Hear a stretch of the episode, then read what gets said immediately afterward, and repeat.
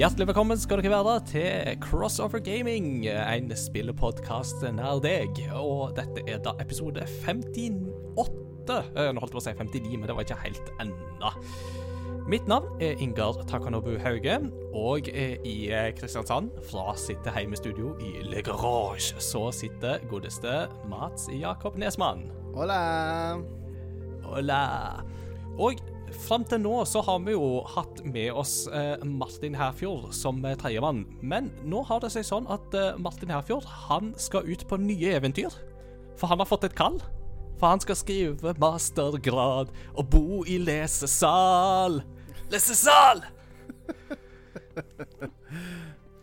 Nei, det har seg sånn at uh, Martin han skal ut på litt uh, nye eventyr i livet. Han skal annet jobbe med en master og sånt. Og da kjente han at uh, tida strakk ikke helt til, og da tenkte han at det var mm, greit å si takk for seg nå. Og, og det setter vi veldig pris på at han har vært med. Uh, og vi ønsker Martin lykke til videre med, med masterskrivinga, og vi håper jo selvsagt at han stikker innom uh, i en episode nå eller da ved en senere anledning, når det skulle passe. Absolutt. For sånn er det jo her i Crossover Gaming at en gang med i Eldsterådet i denne menigheten, alltid med i Eldsterådet i denne menigheten. Det, Ja, det går bare an å få permisjon. ja, helt riktig. Men fortvil ikke, folkens. Det blir ikke bare meg og Mats Jakob, selv om det er jo kjempehyggelig, det òg. Eh, men vi føler at vi har en best dynamikk når vi er tre stykk. Og da var det en person som vi tenkte på begge to som vårt første valg. Så da tenkte vi at vi skulle spørre han, og heldigvis så sa han ja. Han har vært gjest hos oss et par-tre ganger før. Han har vært med å kåre hvem i Crossover Gaming som har den beste trønderdialekta. Det var jo da Martin. Mine damer og herrer, ta godt imot vårt nye faste medlem Peter Gjøskjell. Hello, boys. I'm back. Nei, hallo, jeg er tilbake sjøl. Det blir mer rett. Uh, Nå er det-. Nå er det iallfall ingen tvil lenger om hvem som har den beste trønderdialekta i podkasten. Det Nei, det Han ga seg på topp, han. Ja, han. Ja. du, du, du vet, eh, jeg og Peter vi snakket om dette rett før episoden begynte, men at det ulempen med at Peter begynner nå, er at nå får vi ikke lenger lest opp lytterposter på trøndersk. Men fordelen er at nå kan vi få langt flere lytterposter lest opp på bedre trøndersk. Så Jeg tror alle er egentlig ganske glad for det. Ja. For det, som jeg sa når jeg kåra, det er litt sånn Det er litt den psykiske smerten du har, uh, som når du skraper en bil i bakken. Det, det er bare at det er litt artigere. Uh, det gjør litt vondt. ja, absolutt. Du, Peter. Uh, nå er det jo kanskje ikke alle som husker deg fra dine tidligere fantastiske opptredener. Så gi oss en kort oppsummering av uh, hva du holder på med til vanlig, og Ja. ja. eh, Peter Gjøkjell, eh, trønder. Jeg eh, arbeider nå som eh, gaminglærer på Bibelskolen Fjellhaug. Og eh, har akkurat, faktisk den vekka her, så økte jeg til 100% stilling på Bibelskolen. så det var kult. Um, så nå er jeg kjempestykk. uh, og det er veldig stas. Så i dag så hadde jeg tre timer undervisning hvor jeg satt og gama med elevene. ja. Uh, det er jo noen fine fordeler med den jobben der. Og så har jeg jo f.eks. måttet, enten jeg ville eller ikke, spille både Valhalla og Cyberpunk, og nå så driver jeg og spiller Overwatch. Um, ja, jeg er forlova. Jeg skal gifte meg om en måned og noen og 20 dager. Håper jeg, hvis korona lar meg få lov til det. Det er liksom sånn Eh, det- det, det blir ikke sånn inch Allah, det blir sånn inch korona. Ja, det, det, mm, det går som det går. Men vi har bestemt oss at vi vil gifte oss uansett. Ja. Uh, så ja. Det er sant. Er det noe mer? Jeg har vært i bryllup, jeg, der det bare var brudeparet og meg og kona som forlovere, og det var det, liksom. Så Ja, ikke sant? Så tidligere episoden var med, så var det jo først om brettspill. Mm, det er. Eh, det var jo da snakka om at du kunne spille eh, Dominion så mange ganger. Og jeg ga Eirik Hauge streng beskjed om å ikke rekke den på det, men det måtte han gjøre, så det gamle skrivet der, det har jo han eh, Og da han skrev en liten holdt på å si, mastergrad om det. Ja, den han egentlig ikke hadde tida til å skrive, men han bare måtte. Ja. Og så har jeg jo vært med på Assassin's Creed. Var jo med og snakka om. Riktig. Før jeg nå var med den f- 50. episoden. 50. episoden ja, og Mm. trønderen. Ja. Så tre før. Mm. Så Peter er jo et uh, kjent element, eh, både for de som hører på, og for de som henger med oss i Discord. Så har jo Peter vært med der tidligere, og er jo fortsatt med, for all del. Eh, og når denne episoden nå er ute, så vil dere se at han vil da bli få en sånn admin-status. Så da er det bare å ta kontakt med han hvis det skulle være noe. Han er, en, som dere hører, en veldig trivelig og hyggelig kar. Mm. En annen trivelig og hyggelig kar, han sitter jo i Kristiansand, så hvordan går det med deg da, Mats Jakob? Nei, det går kjempefint. Uh, vi har jo for en gangs skyld vinter i Kristiansand. Det er jo helt uh, utrolig. uh, Ja, det, det har vi jo her i Oslo. det har vært eh, under eh, kulde, Altså, det har vært kuldegrader i mer enn to dager i strekk, og det er ikke så ofte det skjer. Eh, og det som er sykt kult, er at det er noen sånn ildsjeler i, i velforeninga i området vi bor i, som har sprøyta en sånn gammel uh, grusfotballbane hver vinter siden midten av 80-tallet. Så det er en ganske sånn Kristiansand er jo ikke en hockeyby, men akkurat her jeg bor, så er det en sånn ivrig gjeng med ho- hobby-hockeyspillere. Så jeg er blitt litt sånn sugd inn i det. Så jeg har spilt hockey seks ganger, tror jeg, det, på to-tre oh, uker. Det er jo så artig. Wow. Og det er så sykt gøy. Og Mhm. så utrolig slitsomt. Det er in Ja. intervalltrening Det er intervalltrening i en time i strekk, og korsryggen får jo kjørt seg Det er som å Ja, det er som å moppe og løpe intervaller i, i en time i strekk. Står sånn krokbøyd. Eh, så det har jeg gjort veldig mye, og jeg har også gjort at jeg ikke har orka å gjøre så veldig mye annet. Eh, men eh, det er fantastisk å ha vinter, altså. Det er ikke, ofte er liksom Mm. vinteren litt sånn grå og slapsete her eh, på Sørlandet, men nå er det kaldt og fint, og det er veldig deilig. Mm. Fantastisk. Um, Sjøl så er jeg jo i stikk motsatt ende, for jeg har jo omsider blitt pålagt hjemmekontor. eh, Så jeg har jo bare sittet pal på en eh, kjøkkenstol de siste to ukene og begynner bare å få vondt i ryggen. Eh, og jeg er jo ikke født med ski på beina, så selv om det selv om det er snø i Oslo, så hjelper ikke det meg noe. Det jeg kan gå meg en tur, liksom, men that's it. Ja. Så ja, Ringfit Adventure skal få kjørt seg litt mer uh, nå. Det skal det absolutt. Mm. Så det er planen. Uh, All right, folkens. Hvordan sier du det, Ingar? Hmm? Hvordan sier du det? Jo, sånn Bortsett fra det, så har jeg det egentlig ganske bra. Det, jeg skulle gjerne kommet mer i aktivitet, men det har jeg jo sagt det siste året, helt siden 12. mars. Så uh, ja. Velkommen til klubben, tror jeg vi kan Ja, si da. Det. En dag, en dag så skal vi alle ut og trimme og hoppe og danse, sprette og tjoe og heie igjen. Uh, og det ser jeg veldig fram til. Ser ut som et nyttårs nyttårsforsett hele gjengen nå snart, hvis at eh, vi ikke får beveget oss.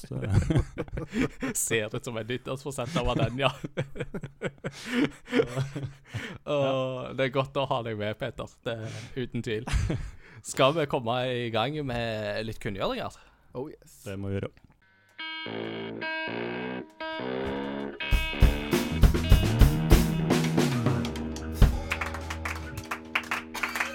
Ja. Eh, himmelsk lyd fra ungdommene. Eh, nå er det ukens kunngjøringer. I kunngjøringer så har det samla seg opp litt nyheter siden sist, for nå har vi jo tatt en liten pause. Vi hoppa over Vi måtte ta, hoppe over den ordinære innspillinga for to uker siden. Og, så da har det jo samla seg opp litt nyheter. Og vi skal ikke ta alt som har skjedd den siste måneden, men vi må ta noen av høydepunktene. Og det definitive høydepunktet de siste dagene har jo uten tvil vært GameStop som endevender Wall Street.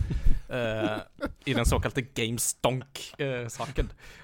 Altså eh, La oss prøve å forklare kort hva dette her greiene går ut på. da, for jeg, jeg sliter fortsatt med å skjønne hva shorting er. Men kort fortalt så tror jeg det handler om at du basically låner en aksje med intensjon om å betale dens verdi seinere, med da en tanke om at den verdien vil du ha gått ned, eh, og at du på en eller annen måte tjener penger på at du bare har lånt den i mellomtida. For du får den billigere enn det du ellers ville fått den da du hadde kjøpt den til vanlig tid. Eh, og shorting er jo det er jo på en måte å rigge spillet litt eh, i børssammenheng. Og det er jo ikke til å stikke under en stol heller at shorting var jo en av årsakene til finanskrisen i 2008, da den Mm. eh, krakk inn. Du lagde Eh, en film om det. Ja, The Big Short. The Big Short. Mm. Veldig, veldig bra film -hmm. eh, om Ja. det, så se den. Eh, f- det er liksom den som best forklarer finanskrisen på mm, en eller annen forståelig måte. Mm. Så her er det jo litt av de samme mekanikkene som har vært i sving, der folk har liksom gått inn og shorta games... Eller de, tanken var at de skulle shorte GameStop-aksjer, for at GameStop skulle gå ned i pris, og så skulle de tjene masse milliard, eh, millioner på det. Men så var det jo en gjeng på Reddit, da. Uh, Wall Street Bet, er det vel de kaller seg for? Er det ikke? Mm. Jeg husker ikke helt på det. Jo, jeg, jeg tror det. Eh, Jeg tror det. Men det, det høres noe Uansett, en gjeng på Reddit som da eh, har eh, funnet ut av dette. Og så har de tenkt at vet du hva, det får de ikke lov å gjøre med GameStop. Og så har de da tatt affære, og så har de kjøpt GameStop-aksjer. Og med en gang man begynner å kjøpe aksjer, da flere kjøper aksjer, så går jo etterspørselen opp, og da øker jo prisen òg. Og på bare noen få døgn så har da GameStop-aksjen gått ifra å være verd sånn rundt 19 dollar ved starten av januar, til godt over 300 dollar. Så vi snakker om en dobling på mange tu... Altså, ja, altså Hundregangers dobling av verdi. Og greia som da skjer, er jo da at de som har shorta GameStop-aksjer, de må fortsatt betale når en tid er omme. Men de, mens de var forberedt på å bare betale noen få lusende dollar, så har de jo måttet betale milliardbeløp. Mm. Det gikk feil vei, rett og slett. Det gikk veldig feil vei. Eh, har jo, det, var jo, det er jo en, her, en i Norge òg som har tjent noe helt uhorvelig mye mm. på at han kjøpte de aksjene der. Mm. Så hvem skulle tro at GameStop, av alle En døende bransje som bare gikk rett i taket, og ingen skjønner hva som skjer. Det er jo helt nydelig. Du, du, du sikra deg ikke noen GameStop-aksjer, du da, Mats Jakob, i Kristiansand før de stakk derifra? Jeg gjorde ikke det, altså. Jeg, jeg hørte mye på en annen podkast som eh, har snakka veldig mye om Altså, i høst snakka veldig mye om at eh, liksom GameStop-aksjen har bare gått ned og gått ned og gått ned, og snakka veldig mye om ting de har gjort. De ansatte jo blant annet en, en ny eh, sånn CEO. Og han, hans liksom eh, store ting som han var liksom kjent for, var at han hadde drevet sånn bildelfirma. og liksom drevet det veldig bra. En buti bildelbutikkjede, sier Biltema, liksom. Og så Mm. eh, Jo, men han har jo gjort det veldig bra, så han kan redde GameStop. Og så er, er det så De har jo hele tida snakka om det at det, Hva skal jeg si Elefanten i rommet er jo at det, eh, fysiske TV-spill kommer til å dø ut på et tidspunkt, i, Mm. på, en, i, på en stor skala. Det vil jo alltid være noen som vil holde det i live, men det er jo litt som laserdisken, på en måte. Det fins jo fremdeles noen som kjøper og lager laserdisk, men det er jo ikke et stort marked for det. Eh, og å selge bildeler det vil, Folk vil alltid trenge bildeler. Det er ikke en ting du kan kjøpe digitalt. Sånn at det, liksom argumentet for at jo, men han har drevet det bra det er liksom, Du kan liksom ikke redde den bransjen. Det er en døende bransje, på en måte. Eh, Mm. uansett det snurrer og vender på det. Så det er veldig festlig at folk At de for det første puster liv i det, og driver og liksom tar Wall Street på sitt eget spill. Ja, og det er jo det morsomme her, fordi at eh, når eh, folk Altså når sånne shorting eh, hedge funds har drevet på med dette her i årevis, så har det bare vært sånn Nei, nei, det er bare sånn spillet er det. Det må dere bare leve med. Mm. Men nå, når det spillet blir snudd imot dem fra en rekke småinvestorer på Reddit, da er de sånn Nei, det må komme reguleringer på plass. Vi må, det kan ikke være sånn. Det, staten må gripe inn. Joe Biden, help us. Og eh, det er jo litt sånn interessant, da, for at det, altså det, det er jo ikke sånn at alle på Reddit er good guys. Det er jo ikke sånn det funker. Men det er jo absolutt en liten sånn David mot Goliat-element inni dette her. ikke sant? At, uh, og som Chandler i Friends sier, so the messers become the messies. Ja. Ja. Nei, det var ganske Så- festlig. Mm, så Interessant. Det blir spennende å se. Den bobla har jo allerede begynt å sprekke i snakkende stund. Så mm. aksjekursen er vel nede i 200 dollar eller noe sånt nå. Den kommer jo bare til å fortsette nedover. Så Ja, ja.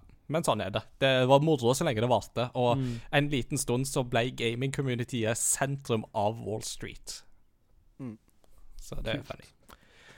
Eh, snakke om eh, sentrum av spillverden. De som jo var sentrum av spillverden på 90-tallet, det var jo Lucasfilm Games, eh, som jo senere ble til Lucas Games.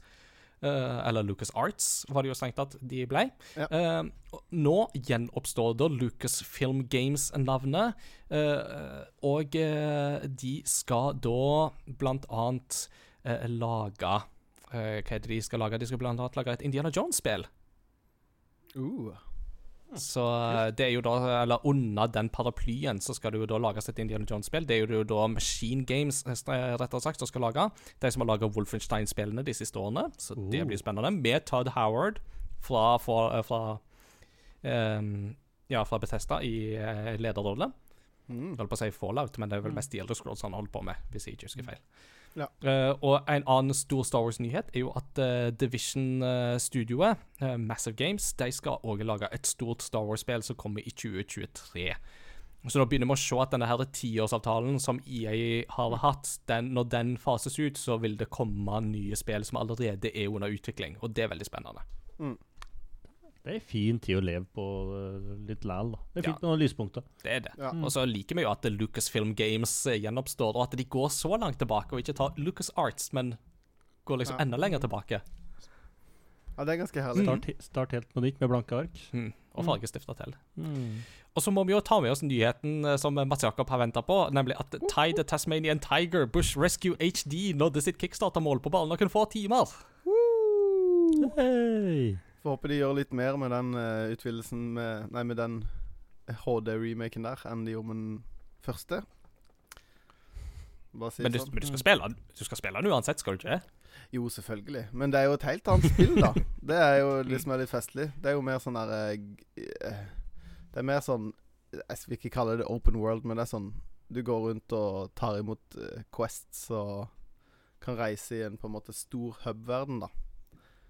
Så det, det er litt annerledes, men det er òg veldig gøy. Mm. Blir spennende.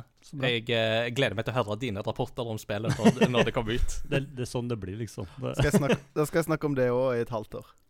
Ja, det er bra. Ty the Tasmanian Nice. Tiger! Nei da. Det er godt med litt arbeidsfordeling, så Ja, Det, det setter vi bare pris på. Um, så går vi videre til Vicarious Visions. Det er jo de som eh, de siste årene annet eh, har uh, laga Crash Bandicoot Insane Trilogy og Tony Hawk's Pro Skater 1 pluss 2 Remake, og gjort eh, veldig gode jobber med det. Som takk for det gode arbeidet, så sier Activision at eh, nå skal dette studioet innlemmes som en del av Blizzard. Mm. Så det er jo litt interessant. Ryktene sier jo da at det de derimot skal jobbe med, er en ny eh, remaster, nemlig Diablo 2 remaster. Oh. Og jeg tenker Spennende. at eh, hvis noen skal jobbe med en remaster, så er det jo kanskje de som er Altså, de er jo veldig flinke på akkurat det arbeidet der, men eh, de skulle jo gjerne fått lov å være litt selvstendige òg, da, syns jeg. Ja.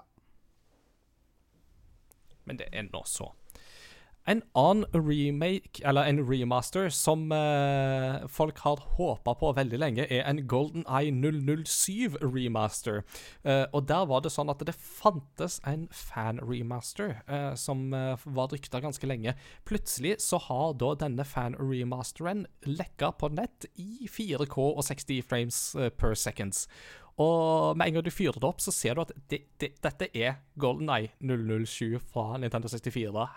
Hands down med vaiende geværsikte og samme musikken og samme clunky bevegelser, men de ser bedre ut. Oh, det, er så, det var så bra, men det er så vanskelig å spille i dag. Helt klart. Får det ikke ja, Jeg blir så jeg blir frustrert. Kan jeg komme med en spontan cur curiosity? Ja! Hey. Eh, visste dere at på Nintendo 64 Golden Eye støtter uh, dual uh, stick? Nei! Hvis Gjør du det? du, hvis, Seriøst? Du, hvis du plugger en Nintendo 64-kontroll i Player 2-porten, og så går inn i menyen, så kan du velge en funksjon som er at du sitter med to kontrollere og styrer med en thumbstick i hver hånd. What? Er ikke det kult? Wow! Det, er, det eneste som er kjipt med det, er at det, det er ikke noen mulighet for å customize uh, inputen. Så det er sånn som det er. Så det er ikke ideelt, men, uh, men allikevel så nærme du kommer som mulig. å spille det Du skal med vrenge litt fingre da, for å få ting til å Ja, men det er liksom mappa helt annerledes, så det Ja, er, ja. det er ganske festlig. Spennende. Kult. Det, det Mm. hadde jeg eh, det, det, det, det hadde ikke vært dumt. Mm. Så ja, Golden Eye remaster, sjekk det ut på YouTube. Eh, det ser eh, overraskende bra ut, og ikke minst er det jo gull å høre den musikken igjen hver gang. Det er Ja, det er nydelig. Mm. En siste nyhetssak som jeg må ta med, det er um, litt eh, tall. For det har seg nemlig sånn at EA har annonsert litt tall fra fjoråret. De tjente nemlig penger som gress. Nærmere bestemt så tjente EA 51 milliarder kroner i fjor. Og hold dere fast, 34 av de milliardene er mikrotransaksjoner. Det er så sykt Altså- at det Over, over halvparten av EAs inntekter er mikrotransaksjoner. Smak på den. Og ja, dere gjetta det, Fifa er fortsatt eh, på topp i den klassen der, men Apex Legends blir òg utpekt som en av de store cash eh, cows i dette. mm. Med Apex er det jo derimot sånn at det er jo fortsatt et free to play-spill, og der kan du i en større grad forvente det. Eh, men at Ja. Fifa fortsatt skal mm. karre til seg så mye penger, det er helt sjukt. En skjønner liksom hvorfor de driver med det. da. Hvorfor de vil ha det i spillene sine. Altså, hallo. Ja, ja. Så at du ikke hadde mulighet til å få 34 milliarder kroner, så hadde han ikke klaga på det. Det er jo helt sykt. Det er ganske sykt at de tjener så mye på Fifa, og så er det nok til å kjøpe en ganske under middels god fotballspiller. Ja.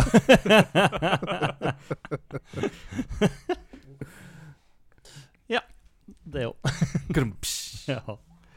Nei, så for de som måtte lure på hvorfor EA skal drive med mikrotransaksjoner, this is why. Men det gjør jo òg spill som Star Wars Squadrons mer imponerende, der de faktisk gir ut et spill komplett fritt for mikrotransaksjoner. Ja, For da er jo det absolutt. mer sånn unntaket fra, fra EA-regelen. Og folk er bare sånn Ja, men dere kommer til å implementere det etterpå, ikke sant? Dere sniker det inn da, og de bare Nei, nå må dere slutte å mistenkeliggjøre oss. Men når du ser de tallene her, så skjønner du på en måte hvorfor. da. De trenger ikke. Ja. De har fått Nei. de pengene de vil ha. Nei, nei, de har bare funnet noen, eh, funnet noen outlets for å tjene penger. Da trenger de ikke det i alle spillene. Det er jo Mm. sykt. sykt. Men sånn, så, Sykt. sånn er det når folk ikke går på Arkaden lenger vet du, og slipper Mm. inn quarters. Så må de jo tjene penger andre plasser. Ja. Mm, Hadde, hadde bare EA lagd arkademaskiner. det hadde vært noe. Nei da. Så det var det vi tok av kunngjøringer for denne gang. Eh, For Mm. mer, sjekk ut eh, et eh, spillmedium nær deg. Da tenker jeg at vi må snakke litt om tema, og da i dag så skal vi snakke litt om dataspill som medium.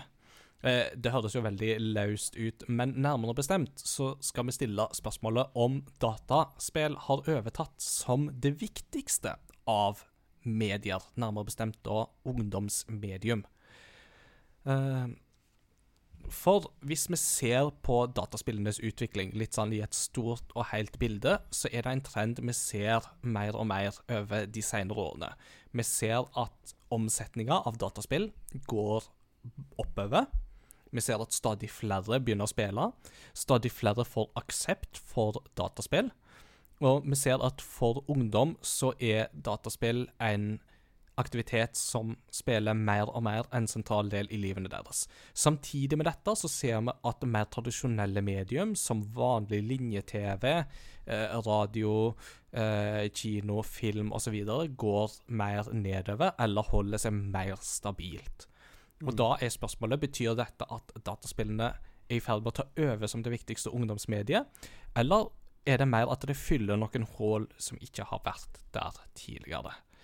Uh, Mats Jakob, hva, har du noen sånne innledende tanker uh, til denne problemstillinga?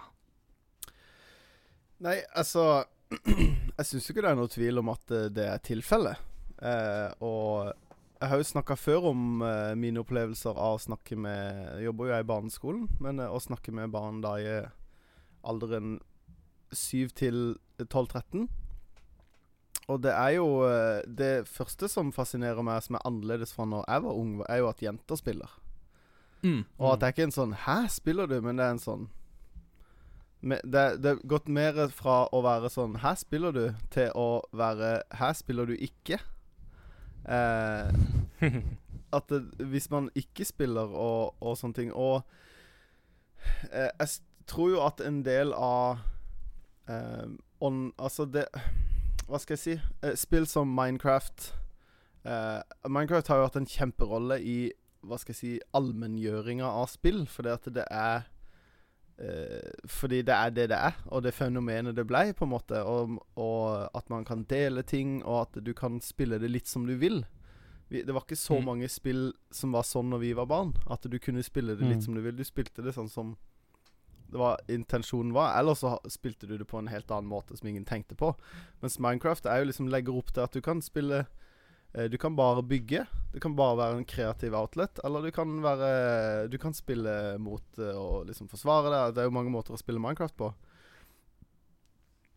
Eh, og eh, spill som Among us har jo blitt kjempepopulært Mhm. i korona, og altså eh, jeg har, jeg har barn som leker Among us i friminuttet, eller i praksis, da. De spiller jo, de spiller jo, de spiller jo Mafia, som vi spilte på leir.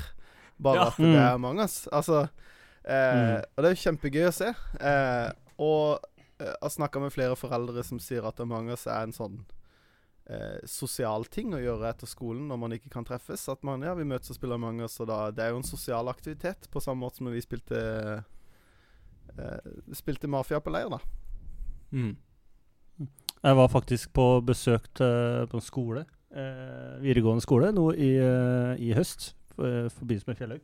Og Mm. der hadde, der hadde Stippan de ordna til Among us, hvor de hadde mange forskjellige poster som de skulle eh, bortom. da, Det kan være å bytte, bytte batteri i fjernkontrollen, de måtte jo tilpasse seg litt. da. Mm. Eh, så det er ikke bare barneskoler som har sånn, men de ordner liksom litt mer sånn Akkurat sånn som det i dataspillet ordna dem da, i uh, IRL.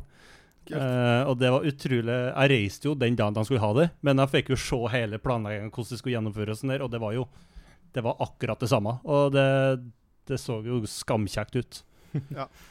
Og, og, og med tanke på Among us som spill, så sier det jo sitt når uh, Alexandria Ocasio-Cortez, altså AOC, profilert ung politiker i USA, begynner å streame på Twitch, og noe av det første hun gjør, er å streame Among us mens mm. hun prater politikk med sine følgere og sånt. Altså at hun kombinerer liksom de, de flatene. Og det er klart at hun er jo ung, ikke sant? Hun er yngre, yngre enn meg, eh, og Mm. likevel liksom en profilert amerikansk politiker. eh, Ja. og, men, men, men likevel, det, det faktum at hun som profilert politiker kan gjøre dette, og det er bare sånn ja, Hvorfor i all verden skulle ikke gjøre det? liksom? Det er sånn, Noen vil jo fortsatt være sånn «Øh, Du må sitte og lese sakspapirer. You're not allowed to have any fun.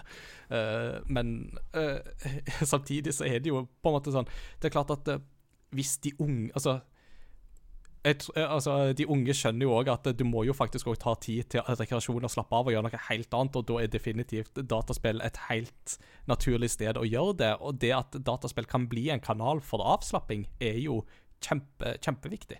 Mm.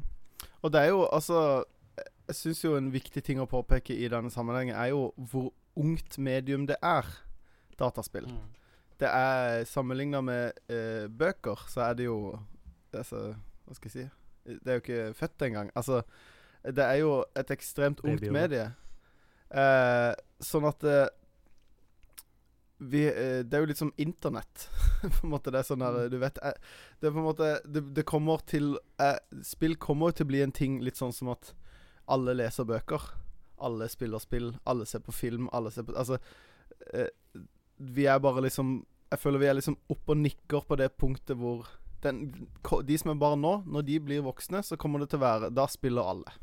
Mm. Alle spiller på et eller annet vis, om det er Candy Crush, eller om det er Among us, eller om det er et eh, 250 timer langt rollespill. Altså På et eller annet vis så finner alle noe de liker ved det mediet, på samme måte som alle har en TV-serie de liker. Alle har sett en film de syns var gøy. Alle har lest en bok de likte.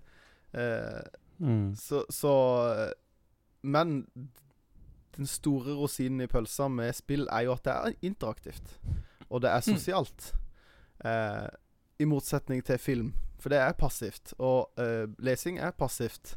I den grad Altså, det fins jo ja, selvfølgelig gråsoner, men men det, det har et, eh, et nytt element med seg, som et medie som ikke de andre har, som gjør at eh, jeg tror at det, det kommer til å bare bli større og større. Og ting som Bandersnatch, uh, Minecraft Stories Altså at de kombinerer sånne ting i tillegg, da, med at det er liksom At på en måte film Nei, spill lekker inn i andre medier, da. Og at du får filmer som du kan spille. Eh, og, Mm, og tegnefilmer som, du kan, som handler om spill, som du er med å ta valget i. Altså, det er Ja.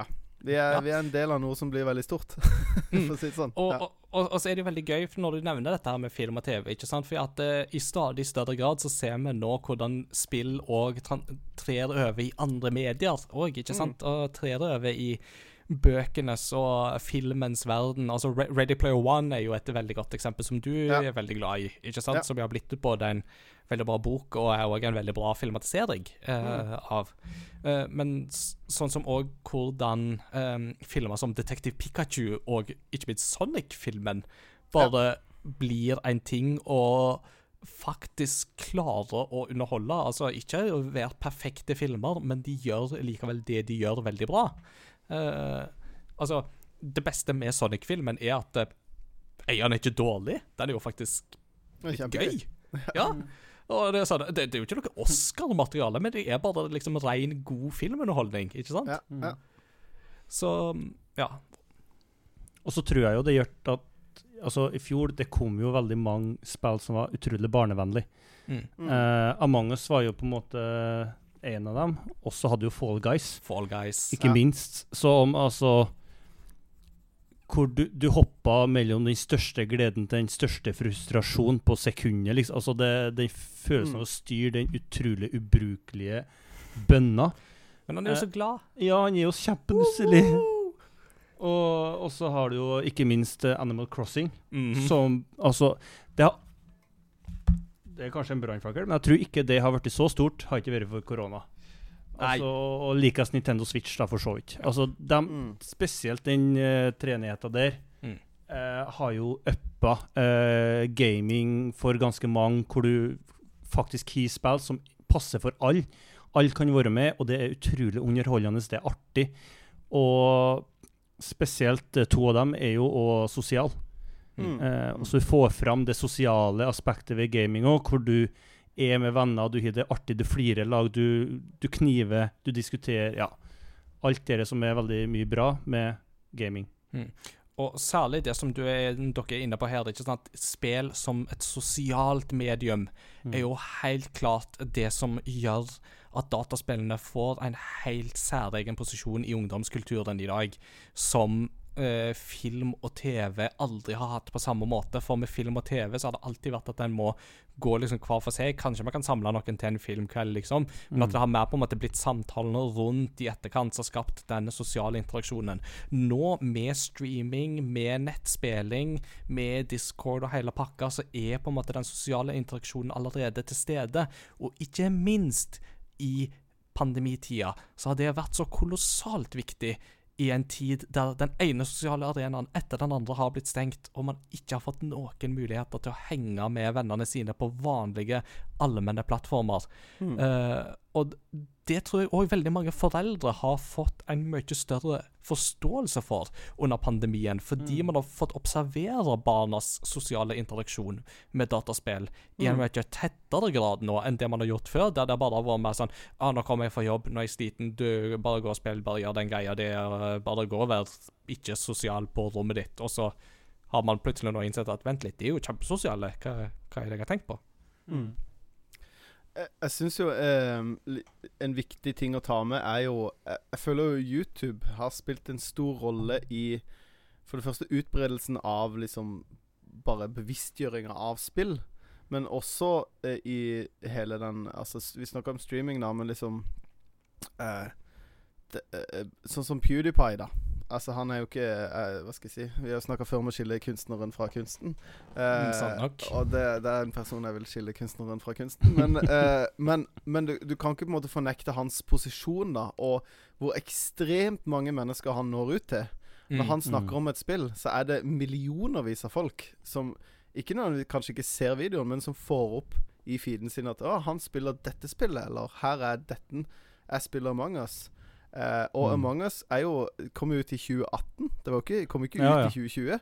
Sånn at det, det var jo ikke et nytt spill, men det- var et spill som virkelig passa i lockdown.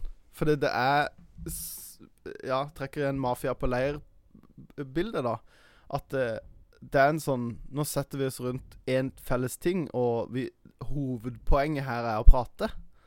Det er skravling. Det er den sosiale biten som er det viktigste med spillet. Og ehm, Men også det der som du snakka om, at at eh, ja, film har ikke den samme funksjonen, men allikevel hvor mye det prates om spill, da, og hvor mye folk ser på andre prate om spill, eh, er også veldig viktig, da. At man bruker film for å snakke om spill.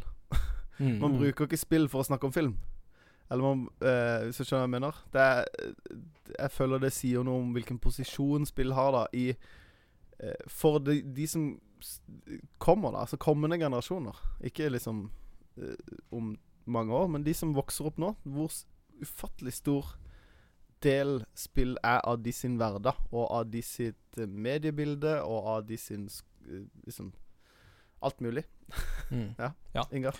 Og i, den forbindelse så var det jo òg litt eh, interessant at uh, fortsatt, til tross for alle disse faktorene her, så sliter fortsatt spill med det der uh, renommeet med liksom med at det er asosialiserende, det gjør deg inaktiv, det, det, det, det på en måte Spill kan være greit, men gå og gjør noe skikkelig. Um, og i den forbindelse, da dette temaet Da Martin lufta dette temaet, Mm, Eh, så fant jo jeg òg en Akkurat da så slapp jo New York Times en stor søndagsartikkel. Det var liksom deres store søndagssak. Var Mm. liksom om ungdoms gamingbruk altså etter at USA gikk inn i eh, pandemi og veldig mange skoler og sosiale arenaer ble stengt. Men det fokuset deres var jo helt en stikk motsatt enden av det vi har nå. For det er klart at nå Mm. sitter jo vi og kanskje har den litt sånn vi kan være vel positive til spill, uh, det kan vi jo være, men det kommer jo av at til syvende og sist så tror vi at øh, de positive sidene og veier opp for de negative. Mens i The New York Times så var det mer et fokus på hvordan spill Holdt jeg på å si Altså, det, var mer en sånn frykt for at øh, all den økte skjermtida, all den økte spilletida som de opplever nå, vil skape irreversible effekter som vil på en måte for alltid gjøre de mindre sosiale, gjøre at de gjør mindre av eh, aktiviteter og sånt når ting blir mer normale igjen. Og hadde jo da annet fokus på en familie der sønnen, eneste sønnen i familien, der var det nå Xboxen som var hans sosiale kanal. Eh, og da katten deres, eller hunden, døde rundt nyttårsaften, så brukte han ekstra mye tid med vennene sine på nett. Og at det var liksom hans måte å sørge på, og liksom få takla sorgen, var å få lov å henge med folk og tenke på helt andre ting. Og da var foreldrene sånn Hva er det du gjør? Dette er ikke normalt. Og begynte å iverksette strengere spilletider for han. Eh, med blant annet en sånt argument om at eh, What are you gonna tell your wife when you get married when you're tired that you need to play Xbox? Men det er jo en helt sånn feil holdning til spillmedia. For at eh, i en langt større grad så tror jeg at vi får mer åpenhet for at eh, spill er et interaktivt medium som òg hjelper med avkobling. Og altså, Selvsagt skal du få lov å koble av, og det å ha en avkoblingskanal som spill kan jo være utrolig sunt i en travel arbeidshverdag. Så eh, det var rett og slett synd å lese uh, den New York Times-artikkelen, for den var liksom Mm. bare Den problematiserte spillinga, den ene sosiale arenaen som veldig mange ungdom har hatt det siste året. Og det, ja. Altså, samtidig så jeg skjønner jo tanken deres. For det, det, er på, det er jo uvitenhet, og det er jo en, en slags frykt for at sønnen deres skal fungere best gjennom et headset. Eh, det er for mange ganske stor forskjell på det å snakke med folk gjennom headsetet, og det å faktisk stå ansikt til ansikt i det virkelige liv og snakke til dem. Mm. Det er jo noe som vi har, som vi har sett på bibelskolen nå, at det er enkelte som syns det er ubehagelig, syns det rett og slett er vanskelig å snakke IRL. Mm. Uh, så jeg skjønner den, uh, den tanken nå. Det, det vil jeg jo egentlig bare få fram. Ja, det er jo altså Hva skal jeg si? Vi må jo må, Vi må på en måte eh, Vi er jo veldig pro gaming, og vi er jo veldig pro eh, spillmedie, men, men det har altså selvfølgelig Det fins jo all, Alle kulturer har jo ytterpunkter, og Mm. eh, eh, ikke sant Mine foreldre var jo veldig eh, opptatt av at jeg ikke skulle spille for mye. Men jeg satt jo alene og spilte Nintendo 64. Jeg skjønner det mye mer, men det var jo brakte jo med noe sosialt til den sosiale Altså brakte Jeg hadde noe å komme med til den sosiale arenaen. Mm. For det var det alle drev med, ikke sant. Så vi skjønner jo Jeg skjønner jo at det er viktig. Altså at det er ikke 100% usosialt. Det er usosialt å sitte og spille Donkey Kong 64 i syv timer, ja. Men det er Mm. ikke usosialt når du da har folk å prate med ting om. Mm. For det, det er barn som ikke har noe å snakke med barn om. En annen ting er jo at man mister jo En del av kommunikasjon er jo ikke bare å prate, men det er jo å lese kroppsspråk og sånne ting, og det forsvinner. Eh, hvis du bare spiller. Og Mm. den tredje tingen jeg tenkte på, er jo at veldig mange i Si vår foreldregenerasjon, da. Altså eh, såkalte boomers. Eh, eh, de, de, det eneste de får med seg, er jo skrekkhistoriene om Mm. ektepar som har Eller folk som har hatt barn som har dødd av forsømmelse fordi de har ikke klart å logge av eh, et MMO. Ikke Mm. sant? Eh, Og, og klarer ikke skille Det er litt samme som liksom Satanic Panic på 80-tallet, hvor liksom alt som var litt skummelt, var satanistisk, og Pokémon-kort var, var de, demoner og Altså, det, det, det, ikke sant Når du får den derre eh, Hva skal jeg si Det er frykten for det ukjente, og mange av de tingene har gjort at spillmediet har blitt annenrangs i mediesfæren. Mm. At det er, det er farlig, da. Eh, Mm. Mens eh, splatterfilmer på 80-tallet var farlig. Mm. Og folk tenker jo ikke at en skrekkfilm er farlig da, på samme måte. Nei. Eh, Og, og det, det med mediekonsumet, eller det med medias rolle der, er jo òg litt sånn interessant fordi uh, Hva skal vi si, da? Eh, i, altså Spillmedier finnes jo i en veldig stor grad, ikke sant? men spillmedier er jo har fortsatt veldig preg av å være på en måte for et bestemt publikum. Altså Du går til Game Reactor fordi du vil lese spillnyheter, og da, altså, da går du aktivt inn for det. Eh, Mm. Mens de store mediehusene behandler jo, de behandler jo musikk, de behandler teater, de behandler film, de behandler kunst, eh, de behandler TV-serier, film, all, alle disse forskjellige mediene. Men spillsatsinga har jo vært forsømt i veldig mange av de store mediehusene i veldig, veldig lang grad. Og selvsagt så har det jo blant annet med at eh, fordi at kids leser ikke NRK eller Aftenposten eller hva Mm. det nå er. Men samtidig så skaper det en negativ effekt da, med at eh, spill blir fortsatt ikke regna inn som en del av det øvrige kulturelle sfæren på samme måte.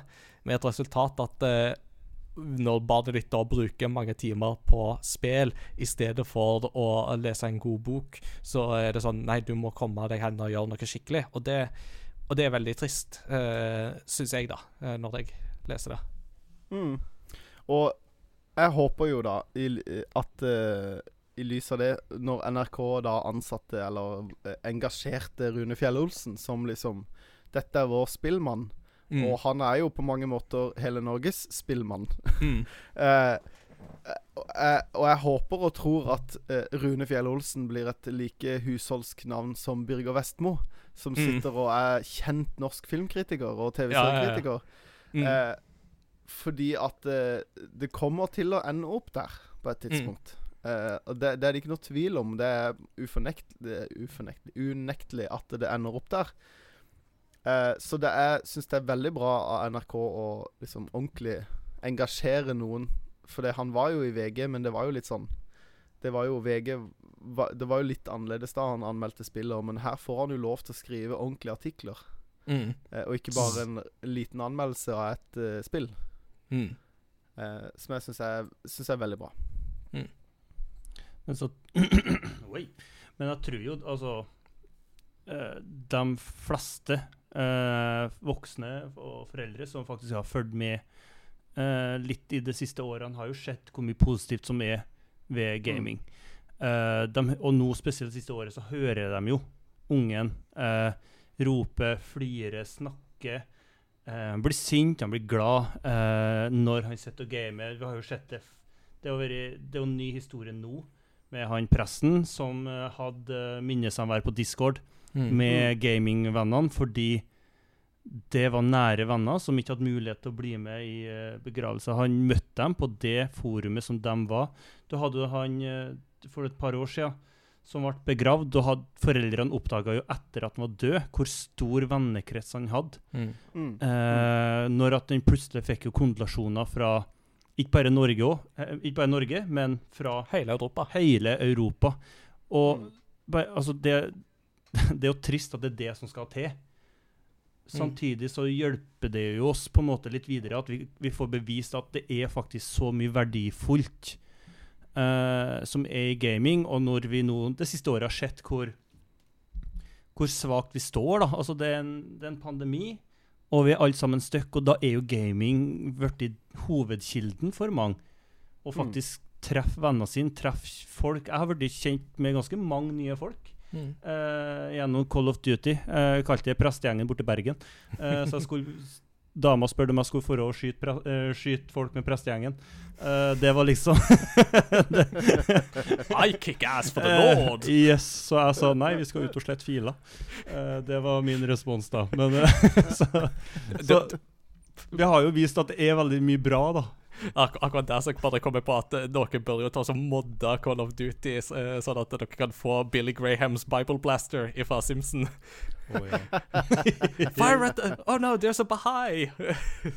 Må liksom ekstra, ekstra mange bibler som må skytes på Bahaien. Uh. Eh, men det er jo det jeg egentlig skulle snakke om, uh, eller eh, påpeke, var jo det at eh, disse sakene som du nevner, ikke sant, altså både med dette minnesamværet som nå nylig var på Discord for eh, etter Andøya, altså tragedien, og eh, om han Mats, som jo var multihandikappa, men hadde sin frihet i World of Warcraft, og venner over hele Europa. Og det at sånne saker som dette blir, får oppmerksomhet på store nyhetskanaler som NRK og VG og sånt, altså dette er jo saker som folk har snakka med meg om i etterkant, fordi det er ting de har lest på vanlige medier, og det er folk som ikke er spillinteressert i det hele tatt. Men det er jo sånn Det har med spill å gjøre, det kan jeg snakke med Ingard om neste gang jeg ser han. Uh, som alltid er hyggelig. Det, det, det, det, skal jeg skal innrømme. Men, men, men, men det har en verdi, ikke sant? Det er noe helt annet enn en sånn der uh, satanistisk spill. Det lærer deg å drepe barn, og så er det liksom Doom som er på en måte på, på, på framsida. Altså, vi har kommet et lite stykke lenger enn eh, det en liksom var på, på 90-tallet og bare på 2000-tallet òg, men fortsatt så, så, så henger liksom stormedia litt igjen da, og har kanskje et lite stykke til å gå før vi er helt i mål. Mm. Jeg, tenk, eh, jeg tenker jo på Vi er jo på vei mot at det er stureint å spille spill. At ikke det er annenrangs. Uh, men da er det også vår jobb som gamere da, og spillinteresserte og eh, folk som eh, ønsker å fronte det media, da, eh, og være med på å nyansere det også. Eh, for Mm. vi kan eh, vi, Nå er vi i en posisjon hvor vi er nødt for å på en måte bare eh, Ikke bare, men hovedsakelig belyse de positive sider med spill. Mm. Men når allmennheten aksepterer at spill har positive sider, så må vi jo også være med i den samtalen om å nyansere det, som vi snakka litt om i stad. Det er ikke bare positivt med spill. Du kan ikke bare spille. Eh, alt, alt med måte og, og Ja, ja. og eh, alle har ikke bare positive opplevelser med spill. Det er eh, Jeg har også snakka med eh, med barn som er litt sånn Jeg spiller egentlig bare fordi vennene mine gjør det. Og det, Mm. det er jo ikke bra, det heller. At eh, det er jo litt sånn Jeg går, i går på fotball bare fordi det gjør alle vennene mine. Mm. Jeg syns egentlig ikke det er noe gøy, men jeg vil treffe folk. Eh, Mm. Og har snakka med barn som har hatt Denne den opplevelsen med spill, da. Eh, så det er jo viktig at vi er med og, og, og gj- gjør at Iallfall med å vise at ja, vi er klar over at dette er ikke bare bra. Nei.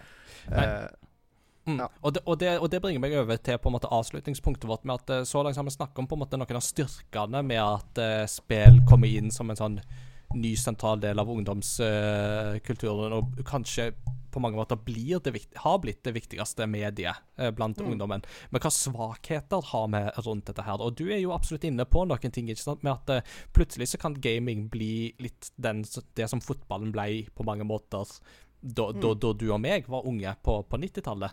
Eh, Mm. For meg så var det jo absolutt sånn at det å game var jo ikke liksom like kult og sånt på det tidspunktet der. Og det var jo sånn at alle de andre på skolen spilte jo fotball, og jeg som kommer fra Japan, kunne jo ikke sparke en eneste ball. Jeg var vant til å slå han med et balltre. Det var liksom det jeg kunne, men det var ingen i Norge som spilte baseball. Så da ble det liksom ikke så veldig mye av det, da. Uh, og, og, jeg syns du er inne på et viktig punkt der, at uh, fortsatt så skal det være rom for bredden, ikke sant? Og at mm. Jeg tenker at det skal være lov å like spill og ha det som en primærinteresse, men det skal òg være lov å ikke ha det. Ja. Absolutt. Uh. En annen og, ting som jeg òg Vær så god. Nei, hva skal jeg si Og i den kulturen vi er i, da, i spillkulturen, så er det jo uh, Så er jo det litt sånn Hva skal jeg si For å ta PC elitist-greia uh, til ekstremen, da. Hvis spill blir på en måte eh, toppmedier, da. Så, så, så, er det veldig viktig å, å, på en måte slipe vekk denne her eh, gatekeepinga, da, for det første. Mm. at liksom Ja, men jeg har jo spilt alltid. Eh, eller liksom Oh, you're late to the party.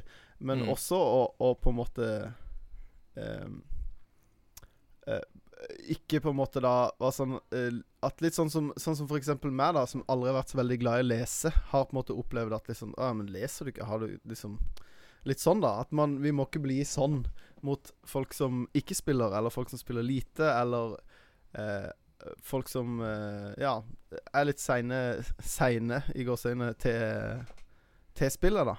At mm vi må på en måte Hva skal jeg si Vi gjør mot andre det du vil at de skal gjøre mot deg. Eller sånn. Den gylne eh, regel gjelder òg i gamingen. Amen. Ja.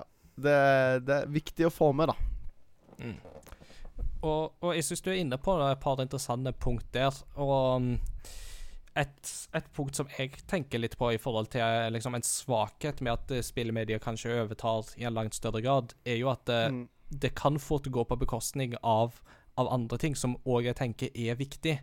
Uh, og en, en, kanal som jeg også ærlig tenker på der, er jo f.eks. dette med, med, lesing. Da tenker jeg jo både på på en måte lesing av faktisk Altså av uh, saklig faglitteratur, eller det liksom ved å holde seg oppdatert på på en måte mer liksom generelle ting i nyhetsbildet og sånt. Kunne lese en dybdeartikkel uh, om et viktig tema uh, uten å dette av etter fem sekunder, fordi at det er ingen som sier 'finish him' etter liksom sånn at du kommer ned i artikkelen. Ja. Forresten, det må NRK begynne med. Det er 'finish it'.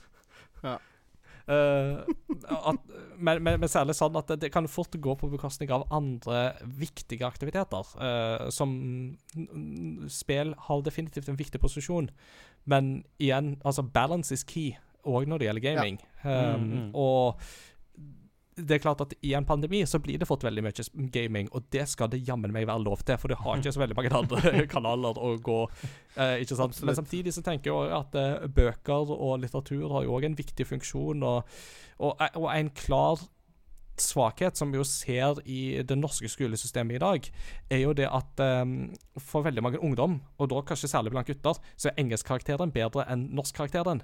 Og det skyldes jo unektelig eh, tror jeg at de er mer eksponert for engelsk i film og TV, men òg særlig spill, enn mm. de er for norsk. Eh, ja. Det er jo ikke veldig mange norskspråklige spill der ute, selv om sånn som Minecraft for eksempel, har jo de mulighetene.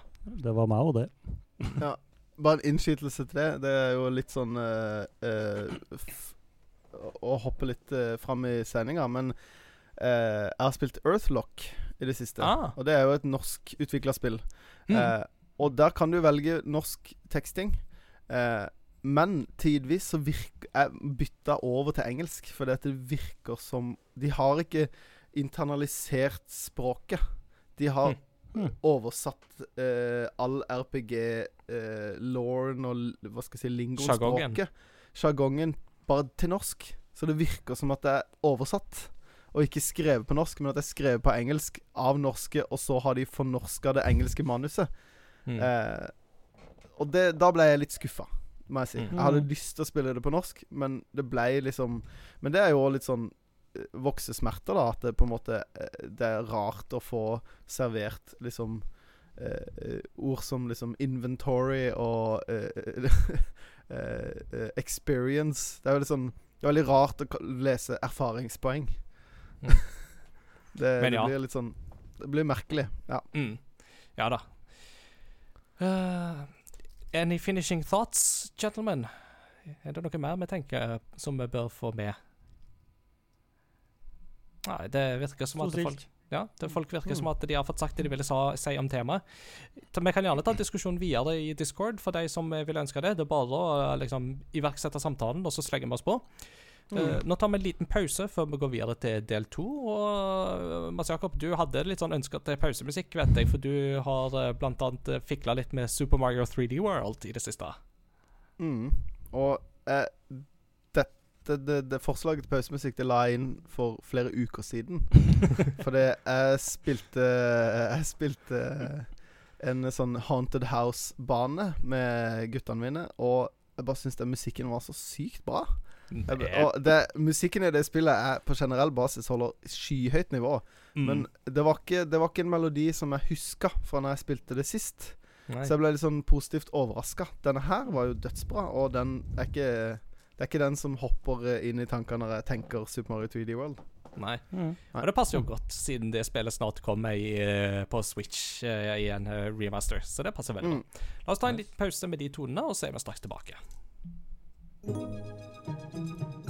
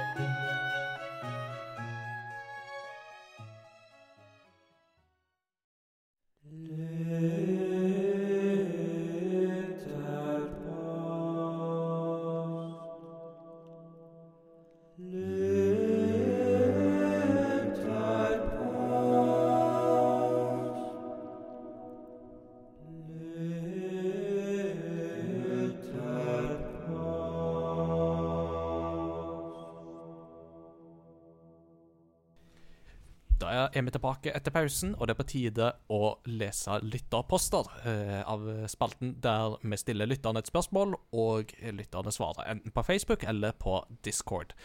Eh, nå har jo disse svarene ligget og ruga en stund, fordi at vi hoppa over eninnspilling. Eh, men eh, vi sa at vi skulle ta vare på svarene deres, og det har vi gjort. Og nå skal vi velge ut et par av de. Og spørsmålet denne veka er da hva posisjon har spill i ditt liv sammenlignet med andre medier?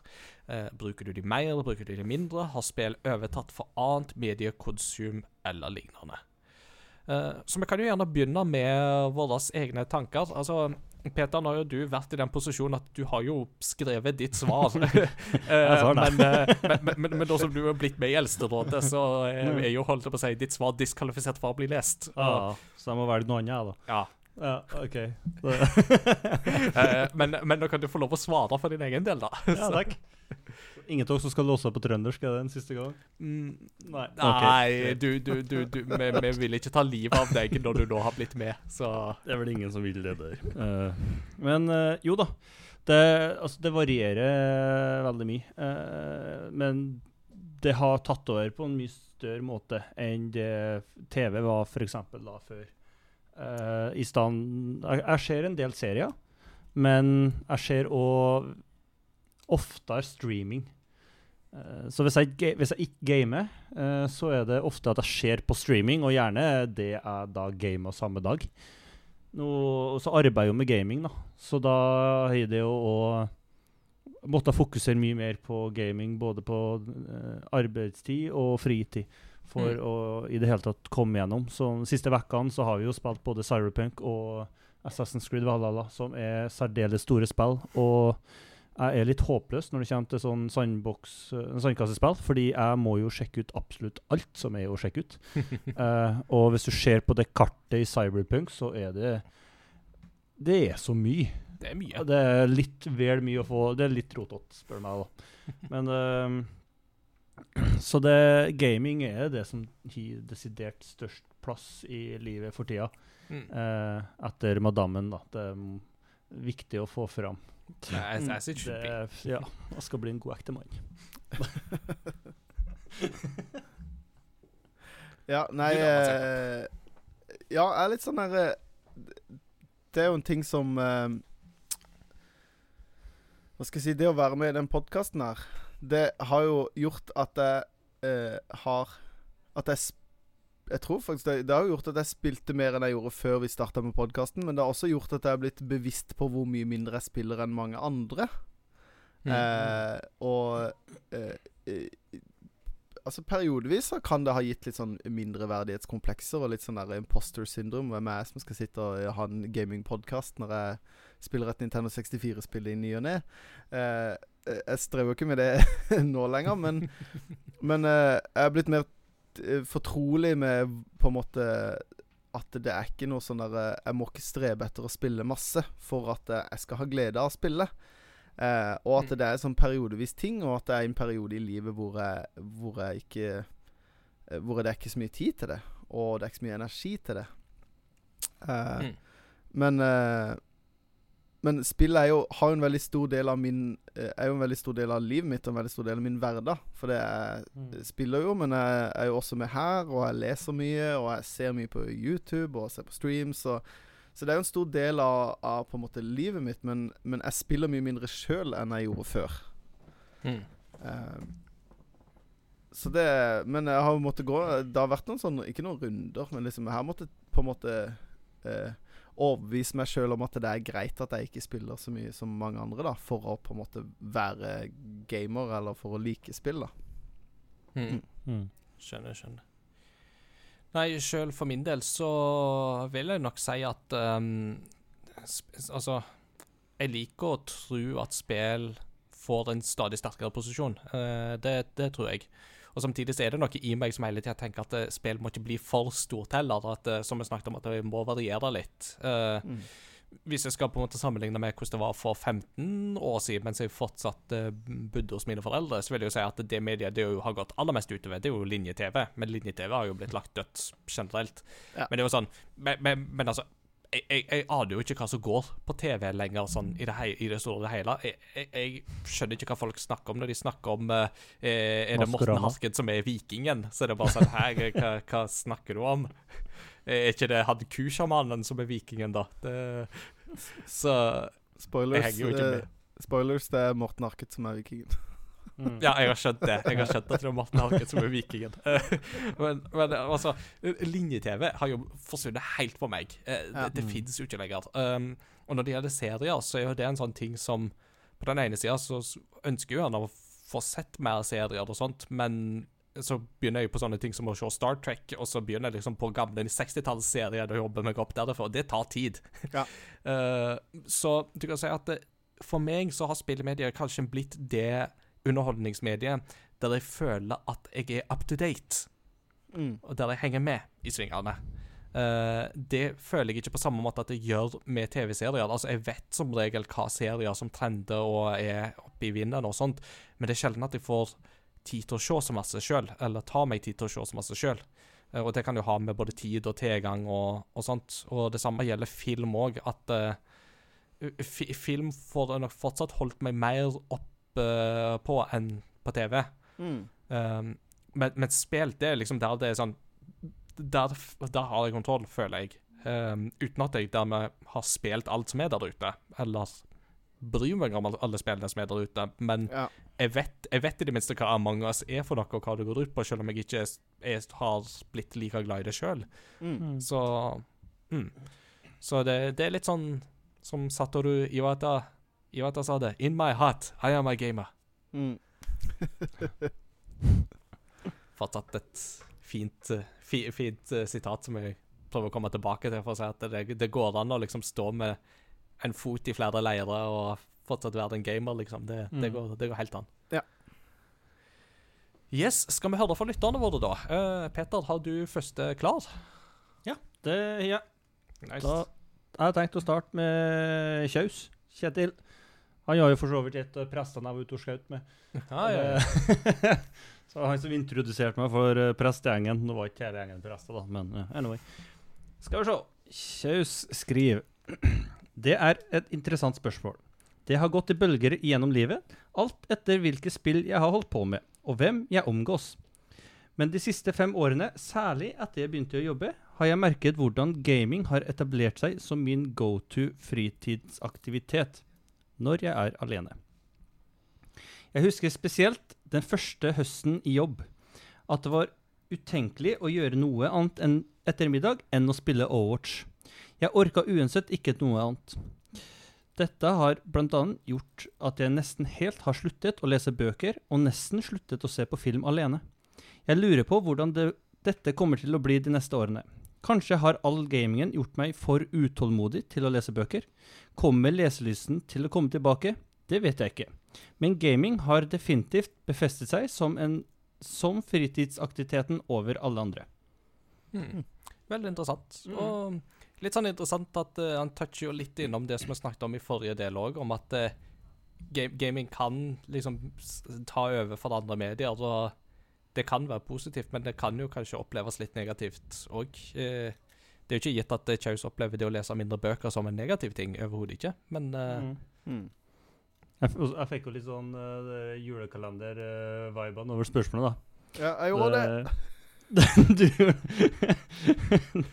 Kom med leselisten til å komme tilbake. Følg med Følg i med i neste episode. Jeg fikk også litt sånn Brødrene Dal. Ja, det var Kom med sånn, leselisten ja. tilbake! Nei, nei, nei. Følg med i neste episode av Brennedal og Spektarsteinene!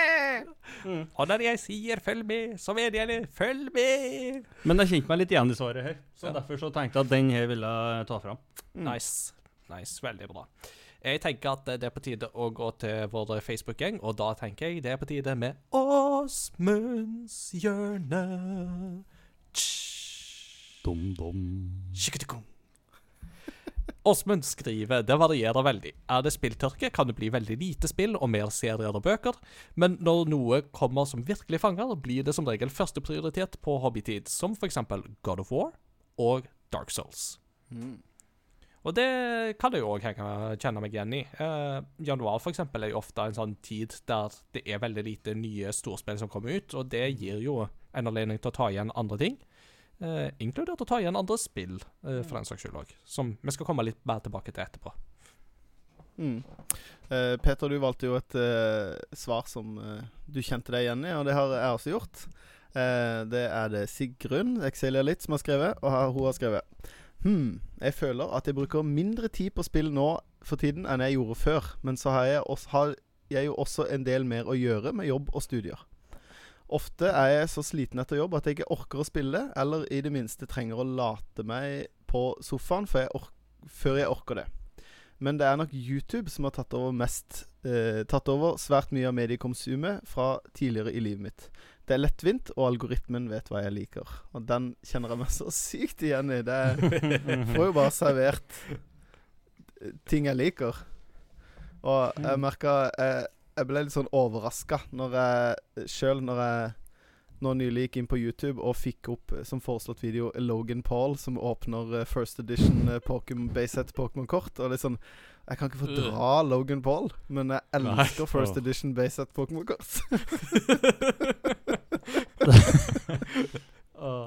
Vi, har, vi har jo vært dratt fram ene timen hvor vi skulle sitte og se på hvordan man ikke skal oppføre seg. da. Ja. Og, så da var det et av filmene hans fra han, han var i Japan.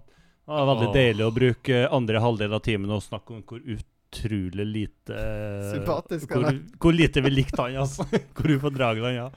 Det var, ja. Og det, og det, det var jo et sånn veldig båndpunkt i hans karriere òg, det. Når Ja. han var i Japan og gjorde teite ting. Det var jo Mm. en sånn ting som virkelig på en måte eh, ikke gikk i hans favør, for å si det sånn. Ehm, skal vi se Hadde du eh, en til, Peter, på lager? ja, jeg tenkte å ta uh, Godsparks inn i tillegg, jeg. Ja, Uh, det sto én til to, så da tok jeg to, jeg, for jeg er jo så frimodig. det er bra. Så det, så syns jeg den var litt uh, artig. Uh. Spill har i stor grad tatt over for TV. Har en del jeg gjerne skulle sett, men som jeg har utsatt fordi jeg heller vil spille spill. Og når det skjer noe sensasjonelt i verden, f.eks. stormingen av Capitol Hill, så går jeg til spill som Far Cry 5 for å få dekket nyheten live. Nei da. Jo da. Nei da. Ja, men det var jo litt sånn som jeg sa da under stormingen av Capitol Hill, at det var sånn "Dette- her hører hjemme i fiksjonens verden. Dette er Mm. ikke sånn vi skal se på NRK. Så ja. Ja, nei, det var ganske eh, tullete. Ja, ja, ja. Men han fikk jo til og med sjamaner og plyndrere og alt mulig rart i det, så det, det føltes absolutt som et spill. Sykt. Det er jo så absurd at det, du skulle nesten tro at VG har begynt å Ja, at det var en spillanalyse av et eller annet slag, liksom. Det, var, altså, det, det skal jo bare ikke skje. Nei. Jeg gir, dette spil, jeg gir det spillet terningkast to, altså. Det er ingen tvil. Det, konseptet er gøy, men gjennomføringa er elendig. Mm. Som halv karakter på variasjon av eh, karakterer, for det var så mye rart. Ja. Det, Null lederskap. Null Ja. lederskap. Mm. Iallfall elendig Så- lederskap. Så absurd fortelling at uh, det, Mm. det fins ikke realisme i det. Nei. ganske Så, dårlig narrativ. mm, eh, dårlig na- narrativt og Ja. audiovisuelt. Mm. Nei, det er terningkast to. Ja. Mm. Siste, siste lytterposten tar, vi, tar deg fra Facebook. Der har vi fått uh, en som jeg tror er helt ny til menigheten, så velkommen. Uh, David Pletten Aasgaard skriver Spill er hovedhobby nummer én, men kan kombineres med pauser der det scrolles i sosiale medier og på nettaviser, og selvfølgelig hører jeg på podkast når det spilles spill som åpner for det. Har blant annet rundt 50 episoder å høre før jeg kommer til episoden der dette svaret leses opp. Tenk så gøy Altså, enda godt vi la oss om det svaret. Altså, Ja, ja, det var sånn, han, han visste akkurat hva han skulle skrive nå for å liksom garantere at det svaret kom med. Da. Det er jo hvis, du vil, hvis du vil bli lest opp, skriv 'Hei, jeg er ny'. Men, men, men en annen ting som jeg tenkte på i den forbindelse, var jo òg at uh, han skriver at uh, pauser der det scrolles i sosiale medier og på nettaviser. Men nå som loading-tidene blir så korte, så vil jo Mm. de pausene òg bli færre. Det har jeg tenkt på. Bli eh, Kjenner seg til å bruke mindre tid på sosiale medier nå. Eh, når slash om jeg får PlayStation 5. Det er, det er jo det, det, det er en ting jeg har tenkt på. Mm. Det, Da tenker jeg da må alle få seg en, eh, en Neo Geo CD. Så har du nok av lastetider å ta av. Uh, for de som vil ha et eksempel, se anime-serien High Score Girl. så da, da setter du på det, og så spiller du ferdig et spill på PlayStation 5. Så når, når du er ferdig med det spillet, så kan du gå tilbake. Så kan du ta én kamp i, i Street Fighter, liksom. Mm. Men, altså, hallo. To og et halvt minutt lastetid for én 2D slåssekamp som varer i Ja. Noen sekunder. Altså, det er jo helt hårete. Yes. Dagens rant. Alright. Nei, vi må ikke snakke om det. Vi må øve på noe litt uh, artigere. Noen tenkte at det var en god idé. Ja. Det er jo Ja. det som er fascinerende. Det er sant. takk, til alle, takk til alle lyttere som eh, kommenterte, og Mm. til de som ikke leste opp svarene til. Vi setter veldig pris på alle lytterpostsvar som blir skrevet. Det skal dere vite. Keep them coming. Vi syns dere er superduper computerflinke.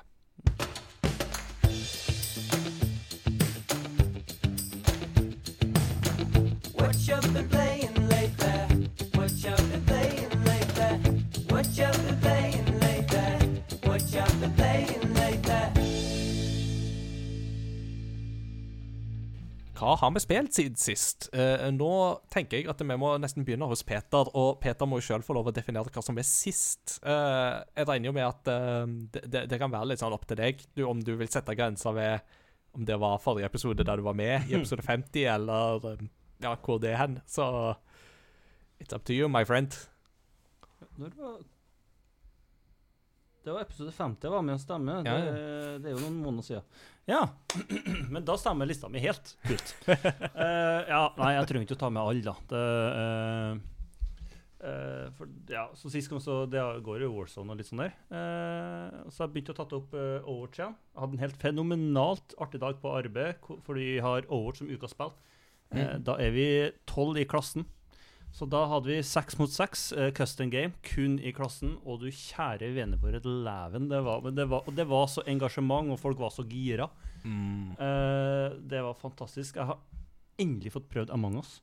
Oh. Det, det, det tok et år fra det, liksom. og så har jeg spilt Astral, Astral Chain, det er sånn du sier. Astral Chain, ja. Astral Chain. blah. Fikk du låne av meg òg, det? Det lånte jeg jo til deg. Ja. Uh, og du likte Jeg likte det ganske godt. Det er første gangen jeg prøver sånn type spill. Uh, det som på en måte toppa det, det er at du faktisk det, du samler på katter.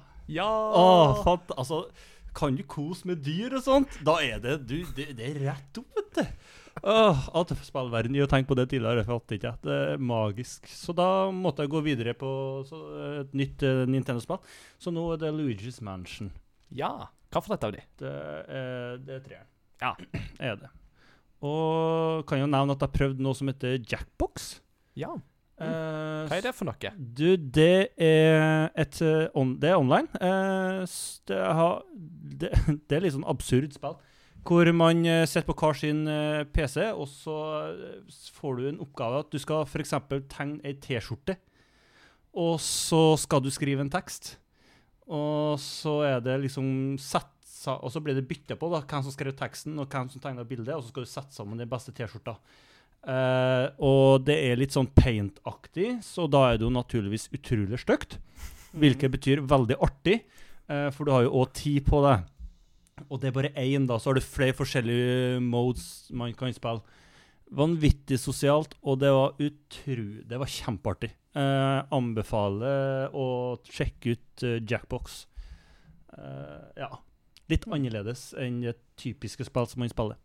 Nice. Mm. nice.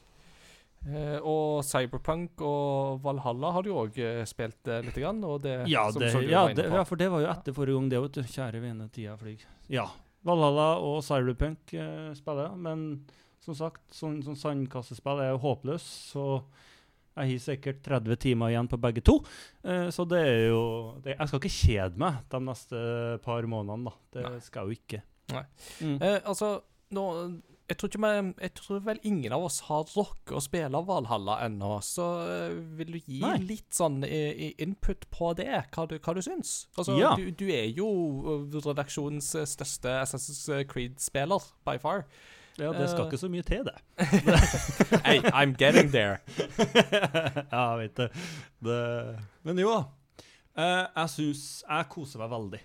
Eh, utrolig artig å være sånn viking. Og være sånn Det at du starter i Norge, er jo uh, bare det kult. Plutselig kommer du til Stavanger, liksom. Um, og de har jo fått inn mye av den uh, norske kulturen. Naturen er utrolig fin. Og så er det jo Det er jo mye av det kjente fortsatt. er det. De har tatt med seg mye av det som var veldig bra fra Odyssey. Eh, og så er det jo et eller annet som er det er en grotesk underholdninga med å få å raide. da. Så altså Når du kommer til England, så er noe av det første du skal gjøre, det er å raide kirke, liksom. Og da synger du 'Her blir det død'. Ride, ride. oh yes. Uh, det, så det er Men som sagt, jeg springer jo mer rundt og gjør andre ting enn egentlig selve storyen, så jeg klarer ikke å si så mye om hva jeg syns om historien så langt. Uh, men det er enkelte aspekt. Det er noen profetier som du treffer på ganske tidlig, som jeg syns er utrolig Det er spennende å se hvor det går hen. Um, det er kanskje Det er vanvittig stort. Det er jo ganske Det er mange verdener du er i. Mm. Det, altså, du er jo Norge, du er i England, du er i Jeg tror det er USA. Og du er i Åsgard, du er i en Nilfgaard eller noe sånt. Det, du, du er liksom Ja. Så du er basically in Norway and Sweden and Iceland and Finland and Germany now in one piece. Yes. Uh, så det er vanvittig svært. Mm. Uh, kanskje litt for stort for min smak, for det, du vet liksom ikke helt hvor du skal starte og slutte den, sånn som når du skal sjekke ut alt. uh, så det, det tar litt tid, da. Så jeg har vel Jeg tror jeg har en sånn 60 timer på, på det, og jeg er ikke 50% ennå på storyen. Ei, ei, ei. Uh, ja, så vi snakkes kanskje til sommeren. Da kan jeg kanskje gi en mer Du, du, du vet som gaminglærer så kan du ikke ta deg tid til completion av sandbox-spillegger. Uh, vet du. Det, du må bare legge det fra deg. Det, Ja, Da skal jeg være så li lite ydmyk og si at det er min største svakhet som gaminglærer. Um, du, du, du nevnte Cyberpunk òg. hvordan, hvordan kjører det? Eh, hva, hva system bruker du for å kjøre det, og kjører det sånn tåler greit? Og hva, hva syns du? Jeg kjører på PC. Jeg kom jo Vi begynte jo på nyåret, gjorde vi. Så da Vi begynte rett etter et av de første store oppdateringene kom. Uh, personlig så har jeg vært ganske heldig, tror jeg. Jeg har ikke hatt noen spesielle glitcher. Jeg har hatt noen sånne små bugs, men de er jo litt sånn nusselige. Eh, med at an Eller sånn, det gjør ingenting. Noen ansikter som kommer litt seint, eller at det, litt, det sliter litt i bakgrunnen. Ehm, jeg trodde jeg hadde kommet over en stor glitch, for jeg kom ikke meg gjennom en dør, men du skulle trykke på ringeklokka, så det ordna seg. Uh, så jeg har vært ganske heldig. Uh, det er en veldig interessant bug som er ute nå, og det er når at du er, er, er på butikken. Så kan du så har det, det, jeg vet ikke om det gjelder alt, men det er i hvert fall et kart som er veldig verdifullt. Som det finnes ett av i hele verden, hele den eh, verden her. Eh, hvis du selger det, og så trykker du på ESK og R i butikken, så kan du kjøpe det tilbake så mange ganger du vil, og så selge det igjen. Eh, så ene eleven min var jo styrtrik og har jo fått tak i alle bil, alle de beste bilene og alt som var. Eh, sånn etter 10 av gamet, liksom, fordi God- Altså, det er i spillet, da, så da bare utnytter utnytter vi også det. Så det er jo litt sånne rare ting som skjer. Men verden syns jeg er utrolig spennende. Jeg håper så sykt at de arbeider videre på det. Eh, de har fortsatt litt arbeid å gjøre. Det vil jeg jo si. Det er ikke et de er, Det er et stykke igjen til Witcher 3, som uh, sammen med gjengen ordna. Mm. Men musikken er bra, og introen syns jeg er Altså, den er rå, liksom. Mm. Jeg kan gjerne sitte og se den en ekstra gang liksom, når jeg starter opp Mm. det. Uh, verken jeg eller uh, Martin drakk vel heller aldri eller, eh, Husker ikke om Martin drakk Jeg tror han rakk å begynne å spille på det. Eh, Men eh, jeg tror ingen har snakka om hva, kla altså, hva begynnelse vi har begynt med. Altså, eh, for, for det er jo tre forskjellige mm, klasser, eller, eller origin stories, du kan velge i starten av dette spillet. Ja. Uh, så eh, hva, hva er det du, du har begynt med? Jeg, jeg var vel i byen. Uh, Altså hva? Street Kid, eller Nomad, eller Corpo? Eh, Corpo, tror jeg, da. Ja, OK, Om da har vi samme. Ja, Om jeg ikke husker helt feil. Power Det- to the establishment. Som sagt, jeg har ganske mange timer i spillet her, men jeg har ikke så mye story. uh, så jeg husker ikke helt på hvor jeg starta. Hvis du- Håpløs. Hvis du begynte spillet over en vask der du Ja, harka litt opp ja. fordi at du var så stressa, så var det stemmer. Corpo. Ja. Mm. Mm. Nei, men det er spennende. spennende. Kult. Jeg koser meg. Så bra. Det er det viktigste. Yes. Mats Jakob. Yes. Eh, som nevnt tidligere, så har jeg jo spilt eh, Earthlock. Eh, Ja. Det er et spill jeg har hatt lyst til å spille lenge. Eh, jeg falt jo pladask for Owlboy, og eh, i Det er jo en stund siden nå, men eh, da tenkte jeg Earthlock det er et spill jeg må spille. Så jeg kjøpte det rett etter jeg var ferdig med Owlboy, og så har jeg liksom aldri kommet i gang med det. Eh, Ingar? Eh, hva, hva studio er det som står bak Earthlock? Eller Earthlock? Jeg husker ikke i, eh, i farta. Men Da det må vi ta oss og google det mens du prater.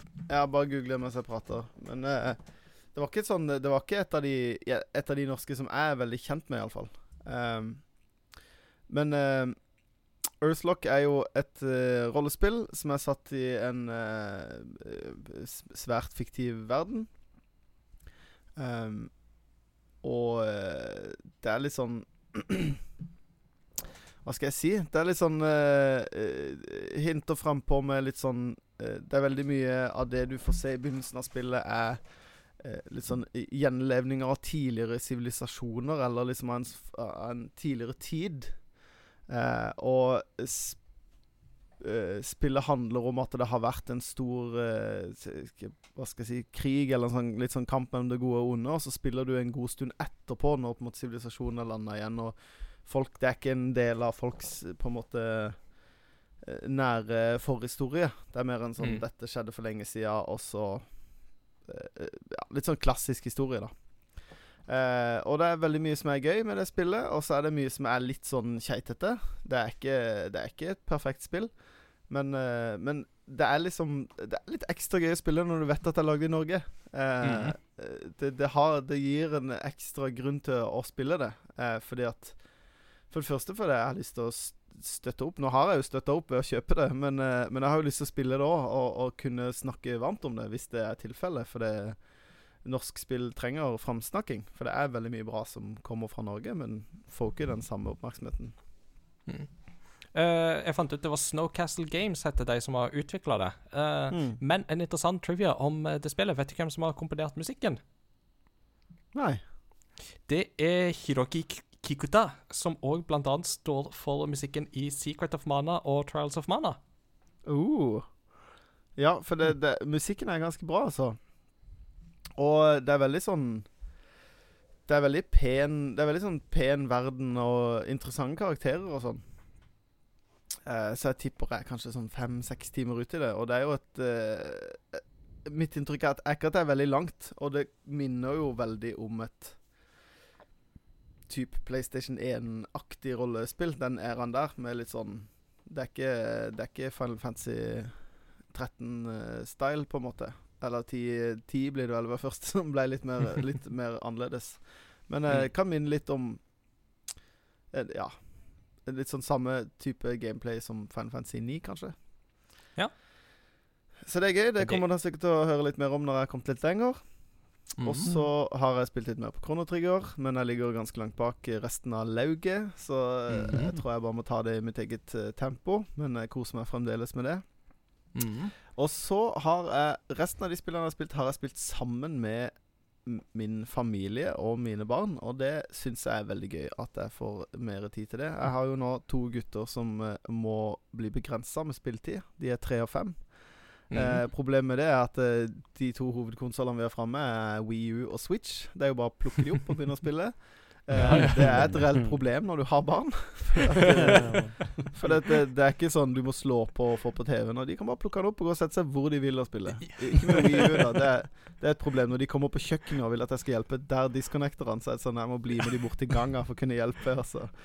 Eh, og da går det Altså, det de spiller, er, er Captain Toad, eh, mm. Ducktales Remastered og Mario 3D World er de spillene de spiller. Og, og, og Ludo på Switch. Ludo, ja. Eh, men eh, vi har da hatt flere kveld Eller flere ikke kveld, men flere liksom sessions hvor hele familien, altså meg og min kone og mine to gutter, har spilt fire player på Mario 3D World. Nice. Eh, og det er veldig gøy og veldig frustrerende, fordi Ja. at eh, eh, Minstemann han ser han et grønt rør, så går han i det grønne røret. Og hvis du er en nanocentimeter fra det her eh, Fra en grønn stjerne, så blir du bare sugd inn i det grønne røret. For nå skal vi videre! Så da blir det sånn Nei, Bjørn! uh, så det er litt sånn Og det er jo sjarmen med å spille det flerplayer, er jo at du kan ødelegge for hverandre. Og det er jo, Mm. det er jo Mm. på slutten av en bane så er det jo hvem fikk flest poeng. Hvem har samla flest poeng, og så får den personen en krone på seg som de spiller neste bane med. Mm. Eh, så det er veldig, veldig gøy. Men så har jeg også spilt det en del sammen med bare meg og, og eldstemann, da. Nice. Den, den krona, er det ikke sånn når det er på neste bane at du kan knocke den av hodet på den som har den? Du kan stjele den, ja. Det er veldig gøy. Yes, du husker jeg riktig. Åh, nei, det, det, det er så fantastisk uh, couch co-op, det spillet, altså. Det er kjempegøy, altså. nydelig stykke. Altså, for de som ikke har spilt det på Wii U, plukk det opp når det kommer på Switch i februar. Jeg Ja. lover deg, du kommer til å kose deg. Det er så gøy. Og det, altså, det er gøy alene, det er gøy to, det er gøy fire, og det er tre forskjellige måter å spille spillet på. Mm. Eh, det som jeg syns er sykt kult, men også litt frustrerende for en så liten gutt som min eldste sønn, er jo at eh, eh, For å komme til Bowser-slottene i enden av en, en verden, eh, så må du ha så og så mange grønne stjerner. Og det er tre grønne stjerner i hver bane. Eh, og etter hvert så blir de jo vanskeligere og vanskeligere å finne. De ligger liksom ikke bare rundt omkring. De må liksom Du må åpne opp en hemmelig dør, eller komme deg opp en vegg, eller altså forskjellige ting. Og etter hvert det, eh, Jeg tror det er når du kommer til verden fem, så er det plutselig et ganske stort hopp for hvor mange stjerner du må ha. Så at Mm. han stoppa der. Og han, vil jo, han spiller jo bare gjennom banene og plukker opp de stjernene han ser. Mm. Sånn at eh, der var det en sånn Der har jeg måttet gå tilbake og plukke opp stjerner for han i tidligere verden, og for at han skal kunne komme videre og bare spille banene. Mm. Eh, så det er litt sånn Det hadde vært gøy om man kunne velge en, at det var en easy mode, da hvor du kunne på en måte droppe stjernene, og at det ikke Det var et krav, da. Selv om jeg syns jo det var en av de tingene som gjorde spillet veldig gøy. Var jo Jeg klarte jo ikke å gå fra en bane før jeg hadde fått alle tre stjernene. Mm. Så det var jo aldri et problem for meg når jeg spilte det i det året det kom, da. Så det er gøy. Og så hadde jeg en syk Eller minstemann måtte være hjemme eh, Eldstemann måtte være hjemme fra barnehagen en dag. Og da satt meg og han og spilte Vi satt oss ned og spilte Lego Ninjago, som vi har gjort flere ganger før. Mm. Men nå har vi kommet liksom et godt stykke ut i det spillet. og Han begynner å bli litt rutinert. Og eh, når vi plutselig merka begge to at vi var litt sultne, så hadde vi spilt i tre timer. Oi! Eh, eh, og sittet og spilt co-op på det spillet. Eh, og, det var, og vi hadde det skikkelig gøy. Og nå er det sånn, nå spør han ofte sånn Å, kan ikke vi og spille Ninjago? Kan ikke vi spille Ninjago? Han vil liksom ikke spille alene lenger, for det var så gøy når vi spilte sammen. Eh, og det er veldig, veldig kult.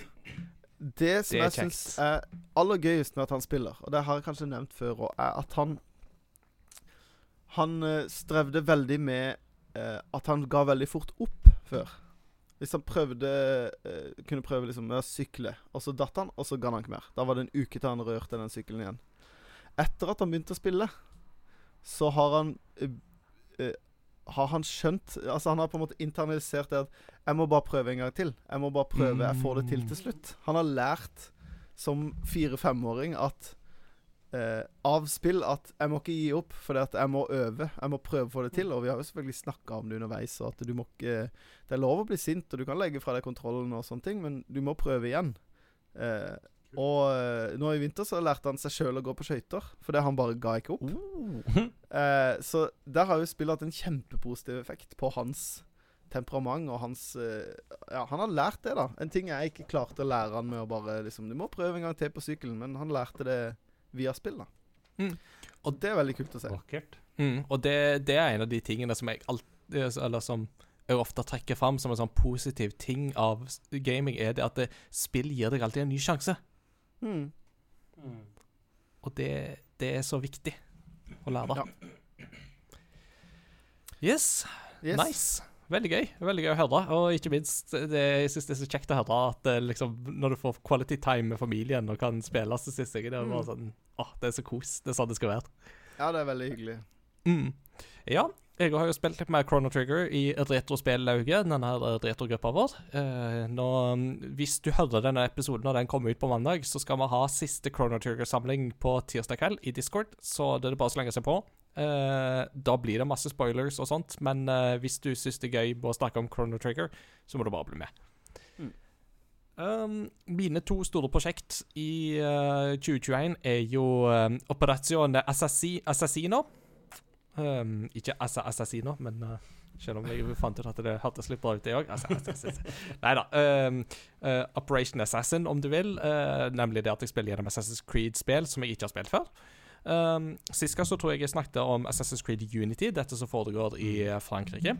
Mm. Um, og spillet som jeg da fulgte opp med etter det, var det spillet som kom samme dag, men til de gamle konsollene, nemlig Assassin's Creed Rogue.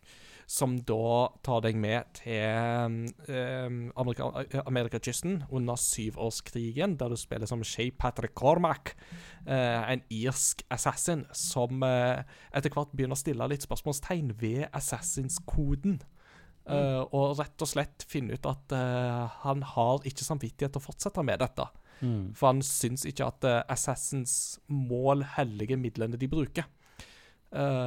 Og han blir tatt for å være død, men han uh, blir uh, plukka opp og får uventa hjelp. Og ikke overraskende så viser det seg jo at noen av de han får hjelp fra, faktisk viser seg å være på Templar-sida, altså på den andre sida av konflikten. Og sakte, men sikkert så ender jo da Altså, så, så Shay går jo over fra å være en assassin til å bli en Templar, og det gjør jo den historien ekstra interessant. Mm. Um, Og det har jo vært en av på en måte hovedsalgsargumentene for det spillet, og det har vært ute såpass lenge, så jeg vil si det går greit at jeg sier det. Ja. uh, hva tenkte du på, Og, Peter? jeg synes, og det jeg er veldig, synes er veldig kult, fordi hele veien så skal liksom Assassin se så god. Templar er liksom ren ondskap. De, de vil ha enevelde, og det er liksom jakta på eh, Kontroll Ja, det er liksom det. Mens her så får du jo fram at nei, alle assassinene er faktisk ikke gjennomsyra gode, og du har veldig mange templar som faktisk er de, som er, de er gode. Mm. Uh, og syns det er veldig kult at de, faktisk, at de har et spill som faktisk Ja, du flipper coin, da. Ja.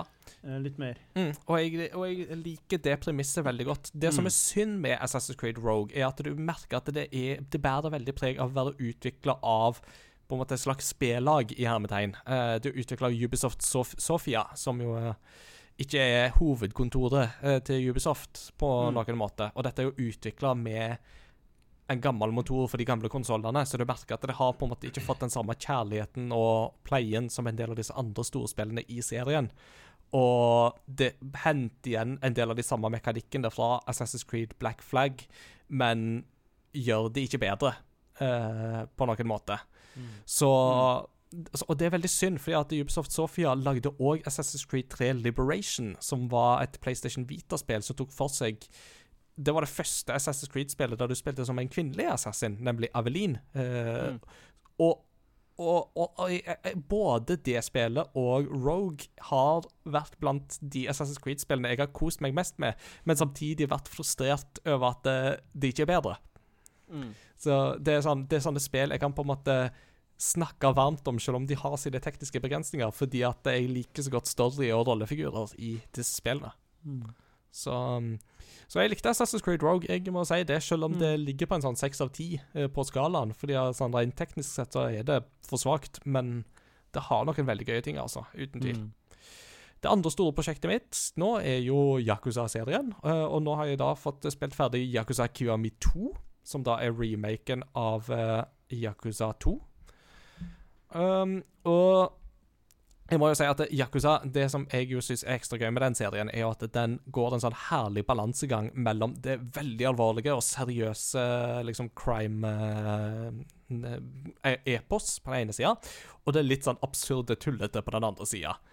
Eh, I Yakuza Kiyomi 2 så klarer de ikke helt å gå den balansen. De bikker litt for mye over på det absurde. eh, og du, du merker at historien og sånt, den, den går litt hit og litt dit, og klarer ikke helt å være så innsnevra og spissa og god som det jeg har opplevd i Yakuza 0 og Kiwami 1. Men fortsatt så er det kjempeunderholdende. Det, det er det absolutt. Og til tider så ser det skrekkelig bra ut òg, selv om de har eh, skalert det ned til en 30 frames per second sammenligna med eh, de to foregående spillene som var i 60. Men de forrige var utvikla til både PS3 og PS4. Yakuza Kiyomi 2 er kun PS4, og det merker du gir et bump up i billedkvalitet. Så det er artig, da. Mm. Og så skal det sies at i det spillet så har de òg lagt til en sånn sidehistorie som tar for seg ikke historien til Kiryu Kazuma, som jo er hovedpersonen, men som følger historien til Goro Majima, som er en av disse andre uh, i Yakuza-serien. Han som har en sånn lapp for øynene, og som er litt sånn Han er, litt, han er kjent for å være litt sånn sprø. Mm. Uh, og han spiller jo en veldig stor rolle i Yakuza 0, så får du jo hans bakgrunnshistorie og hans narrativ der spiller jo en viktig rolle i det spillet. Mens i Kiwami så har han en veldig lit, en mye mindre birolle. I Kiwami 2 så får du da en sånn sidehistorie som følger han litt mer igjen, og som knyttes opp imot en del av handlingene i Yakuza 0. Mm. Og noen av de koblingene der var utrolig fine. Sånn Altså, det var, det var sånn at jeg satt og bare sånn at dette, dette er vakkert. Dette er bare god historiefortelling. Eh, Dette er bare uh, det, det traff noen sånne emosjonelle strenger som jeg bare likte veldig, veldig godt, altså. Mm. Uh, Så det, det var en pluss i boka. Og så er han jo fortsatt eh, spikspenna gæren, det er ikke det. Men uh, det er liksom det at det blir sånn kontrast til den gærne som han er, da, og eh, liksom hans litt mer alvorlige, dystre fortid. eh, Som var veldig bra.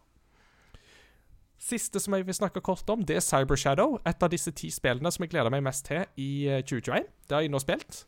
Um, det er jo da et indiespill som uh, har veldig sånne klare vibes av Ninja Guiden. Eh, og som bare oser og skriker 80-tallet lang vei. eh, noe som bare er veldig, veldig kult. Um, du spiller en cyborg ninja som eh, må ut på tokt og eh, leie robotfiender for å redde din ninja master. Og ja, det er vanskelig, det er utfordrende, det er tøft, men det er gøy. Det er samtidig òg at du merker det mangler litt polishen som på en måte hever det fra å være bra til å være veldig bra, eller til å være fantastisk. Eh, Mm. Men det er det første spillet til en finne som har laga dette spillet mer eller mindre alene. Og bare det i seg sjøl er kjempeimponerende. Ja. Så pluss i boka for det, altså. Og hvis du liker litt sånn eh, moderne retro, for å si det sånn, så bør du definitivt sjekke ut Cyber Shadow. Det har veldig mange kule ting ved seg, og et fett soundtrack. Ah, kult. Eh, jeg tror jeg sa feil i siste episode, fordi at da snakket om at um, Jake Kaufman skulle komponere musikken, altså samme mann som Shovel Knight. Uh, Mm. Han er produsent for musikken, men han er ikke komponisten. Ja. Men uh, fortsatt så merker du at det har noen sånne vibes over seg som definitivt inn innfrir, altså. Så veldig kult. Det koster bare 137 kroner på Steam, så det er jo Ja da, det er ikke noe dyrt, så, og det er tilgjengelig på alle plattformer. Så ikke på X Kanskje ikke på Xbox. Jo, jo på Xbox òg. Jo, tilgjengelig på alt av de store plattformene. inkludert Mac. Wow. Yep. Og jeg kan garantere at det kjører bedre enn Cyberpunk. Så. Yes. Det, det, det betyr ingenting. Nei. Det er sant.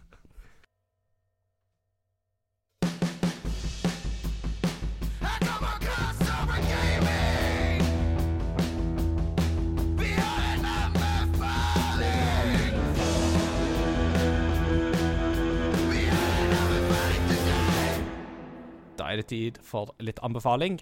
Og Peter, nå velkommen til oss. Og da skal du få lov å komme med litt anbefalinger som en del av velkomstpakka. Hva vil du anbefale?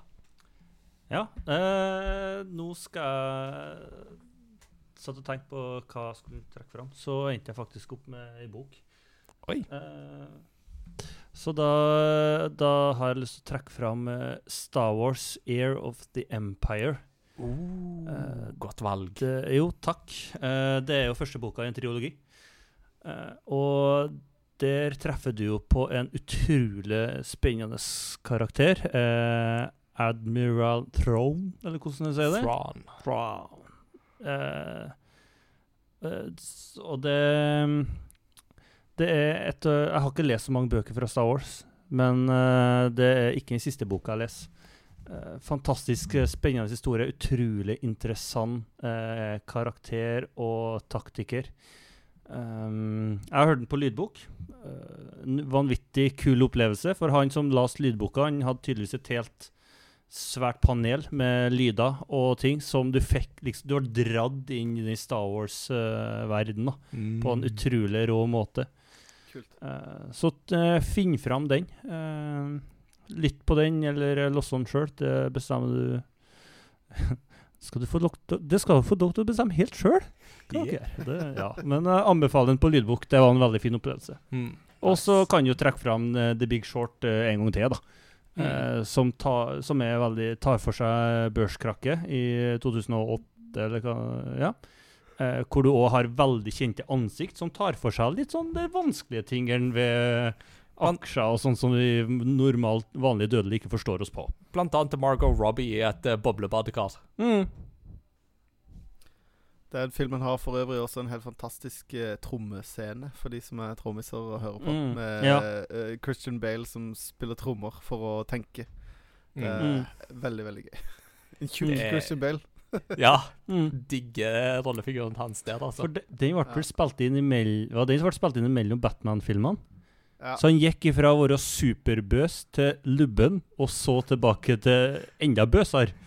Han, han gikk vel fra å være supertynn, gjorde han ikke det? Han ble jo ganske Ja, sånn skrapa i fengselsscenene i den første Batman-filmen. der Åh, han, kan, han kan jo ikke overleve det her. Nei, men han har jo sagt at han skal slutte med sånne jojo-greier som det der. Altså oh. sånn jojo-vekt. Han har slutta med det nå, for det ble for krevende. Men han har jo hatt noen sånne ekstreme eh, Mm. Gått liksom opp og ned i 40 og 50 kilo liksom om en annen.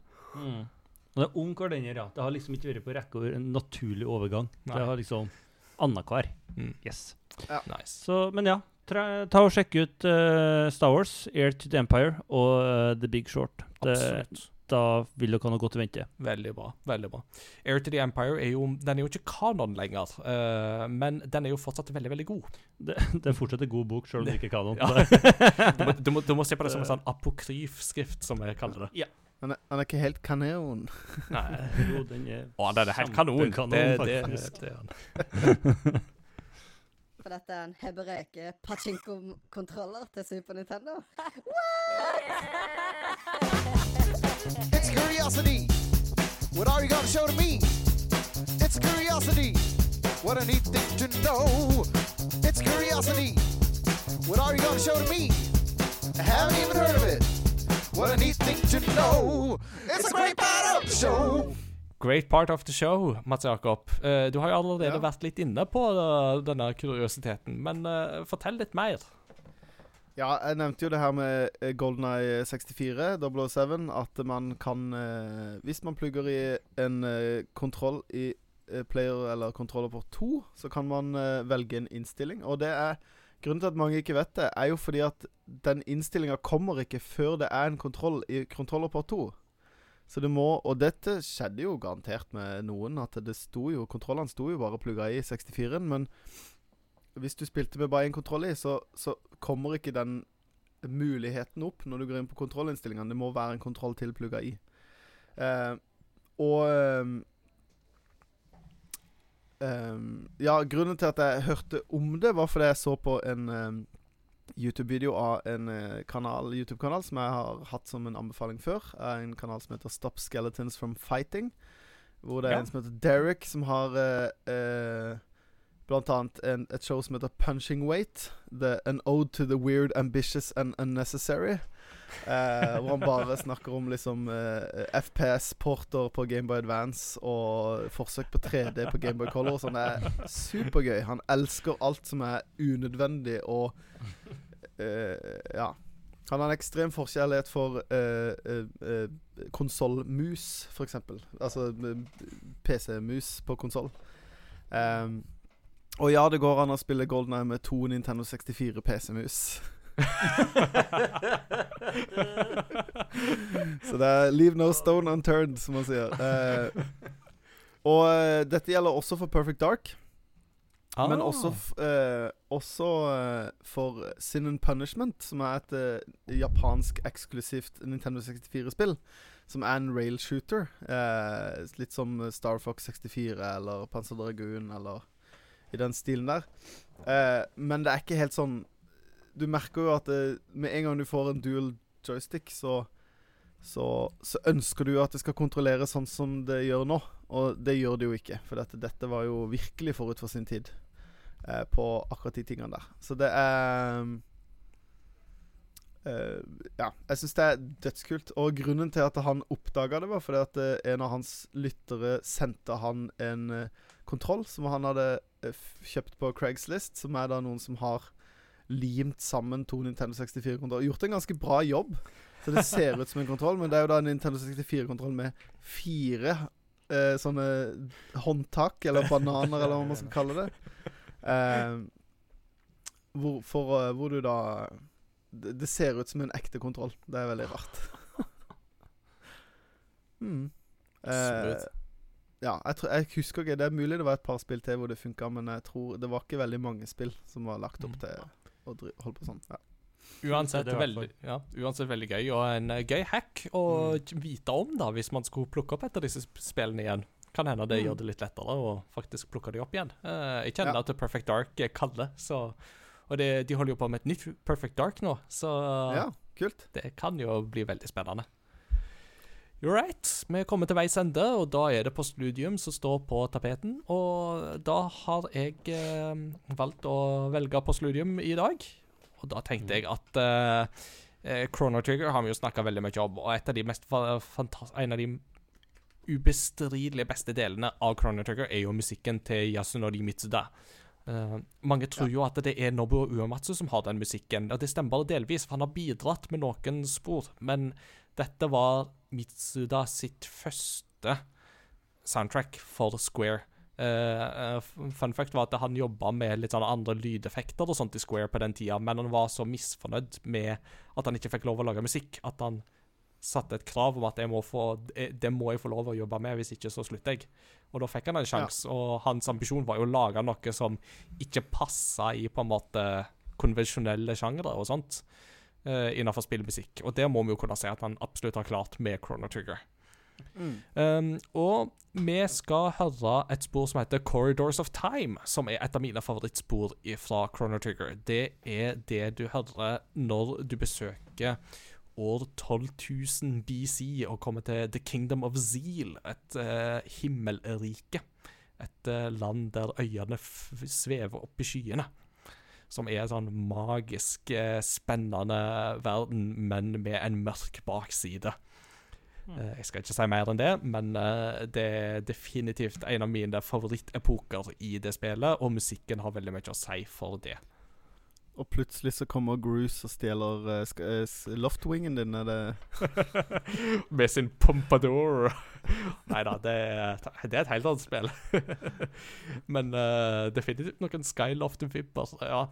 Jeg, Ja. jeg vil si Zeal er kanskje mer noe sånn der uh, Litt mer sånn Atlantis-variant av Skylofts. For det er sånn Ja, du merker at uh, de er høyteknologiske og langt framme og alt, men det er litt sånn òg på bekostning av eget hovmod og en mørk bakside og, og diverse, så Mm. ja. Så Corridors of Time fra Chron Chrono Trigger, komponert av Yasunori Mitsuda der, altså. Da, mm, Eh, og jeg gleder meg òg til tida framover nå, Peter. Det blir spennende å ha deg med framover. Ja, artig. Ja, det, det håper jeg at du òg gleder deg til det. Og vi har allerede planlagt et tema for neste uke. Jeg skal ikke si noe mer, men eh, det gjelder et 35-årsjubileum, så stay tuned for more.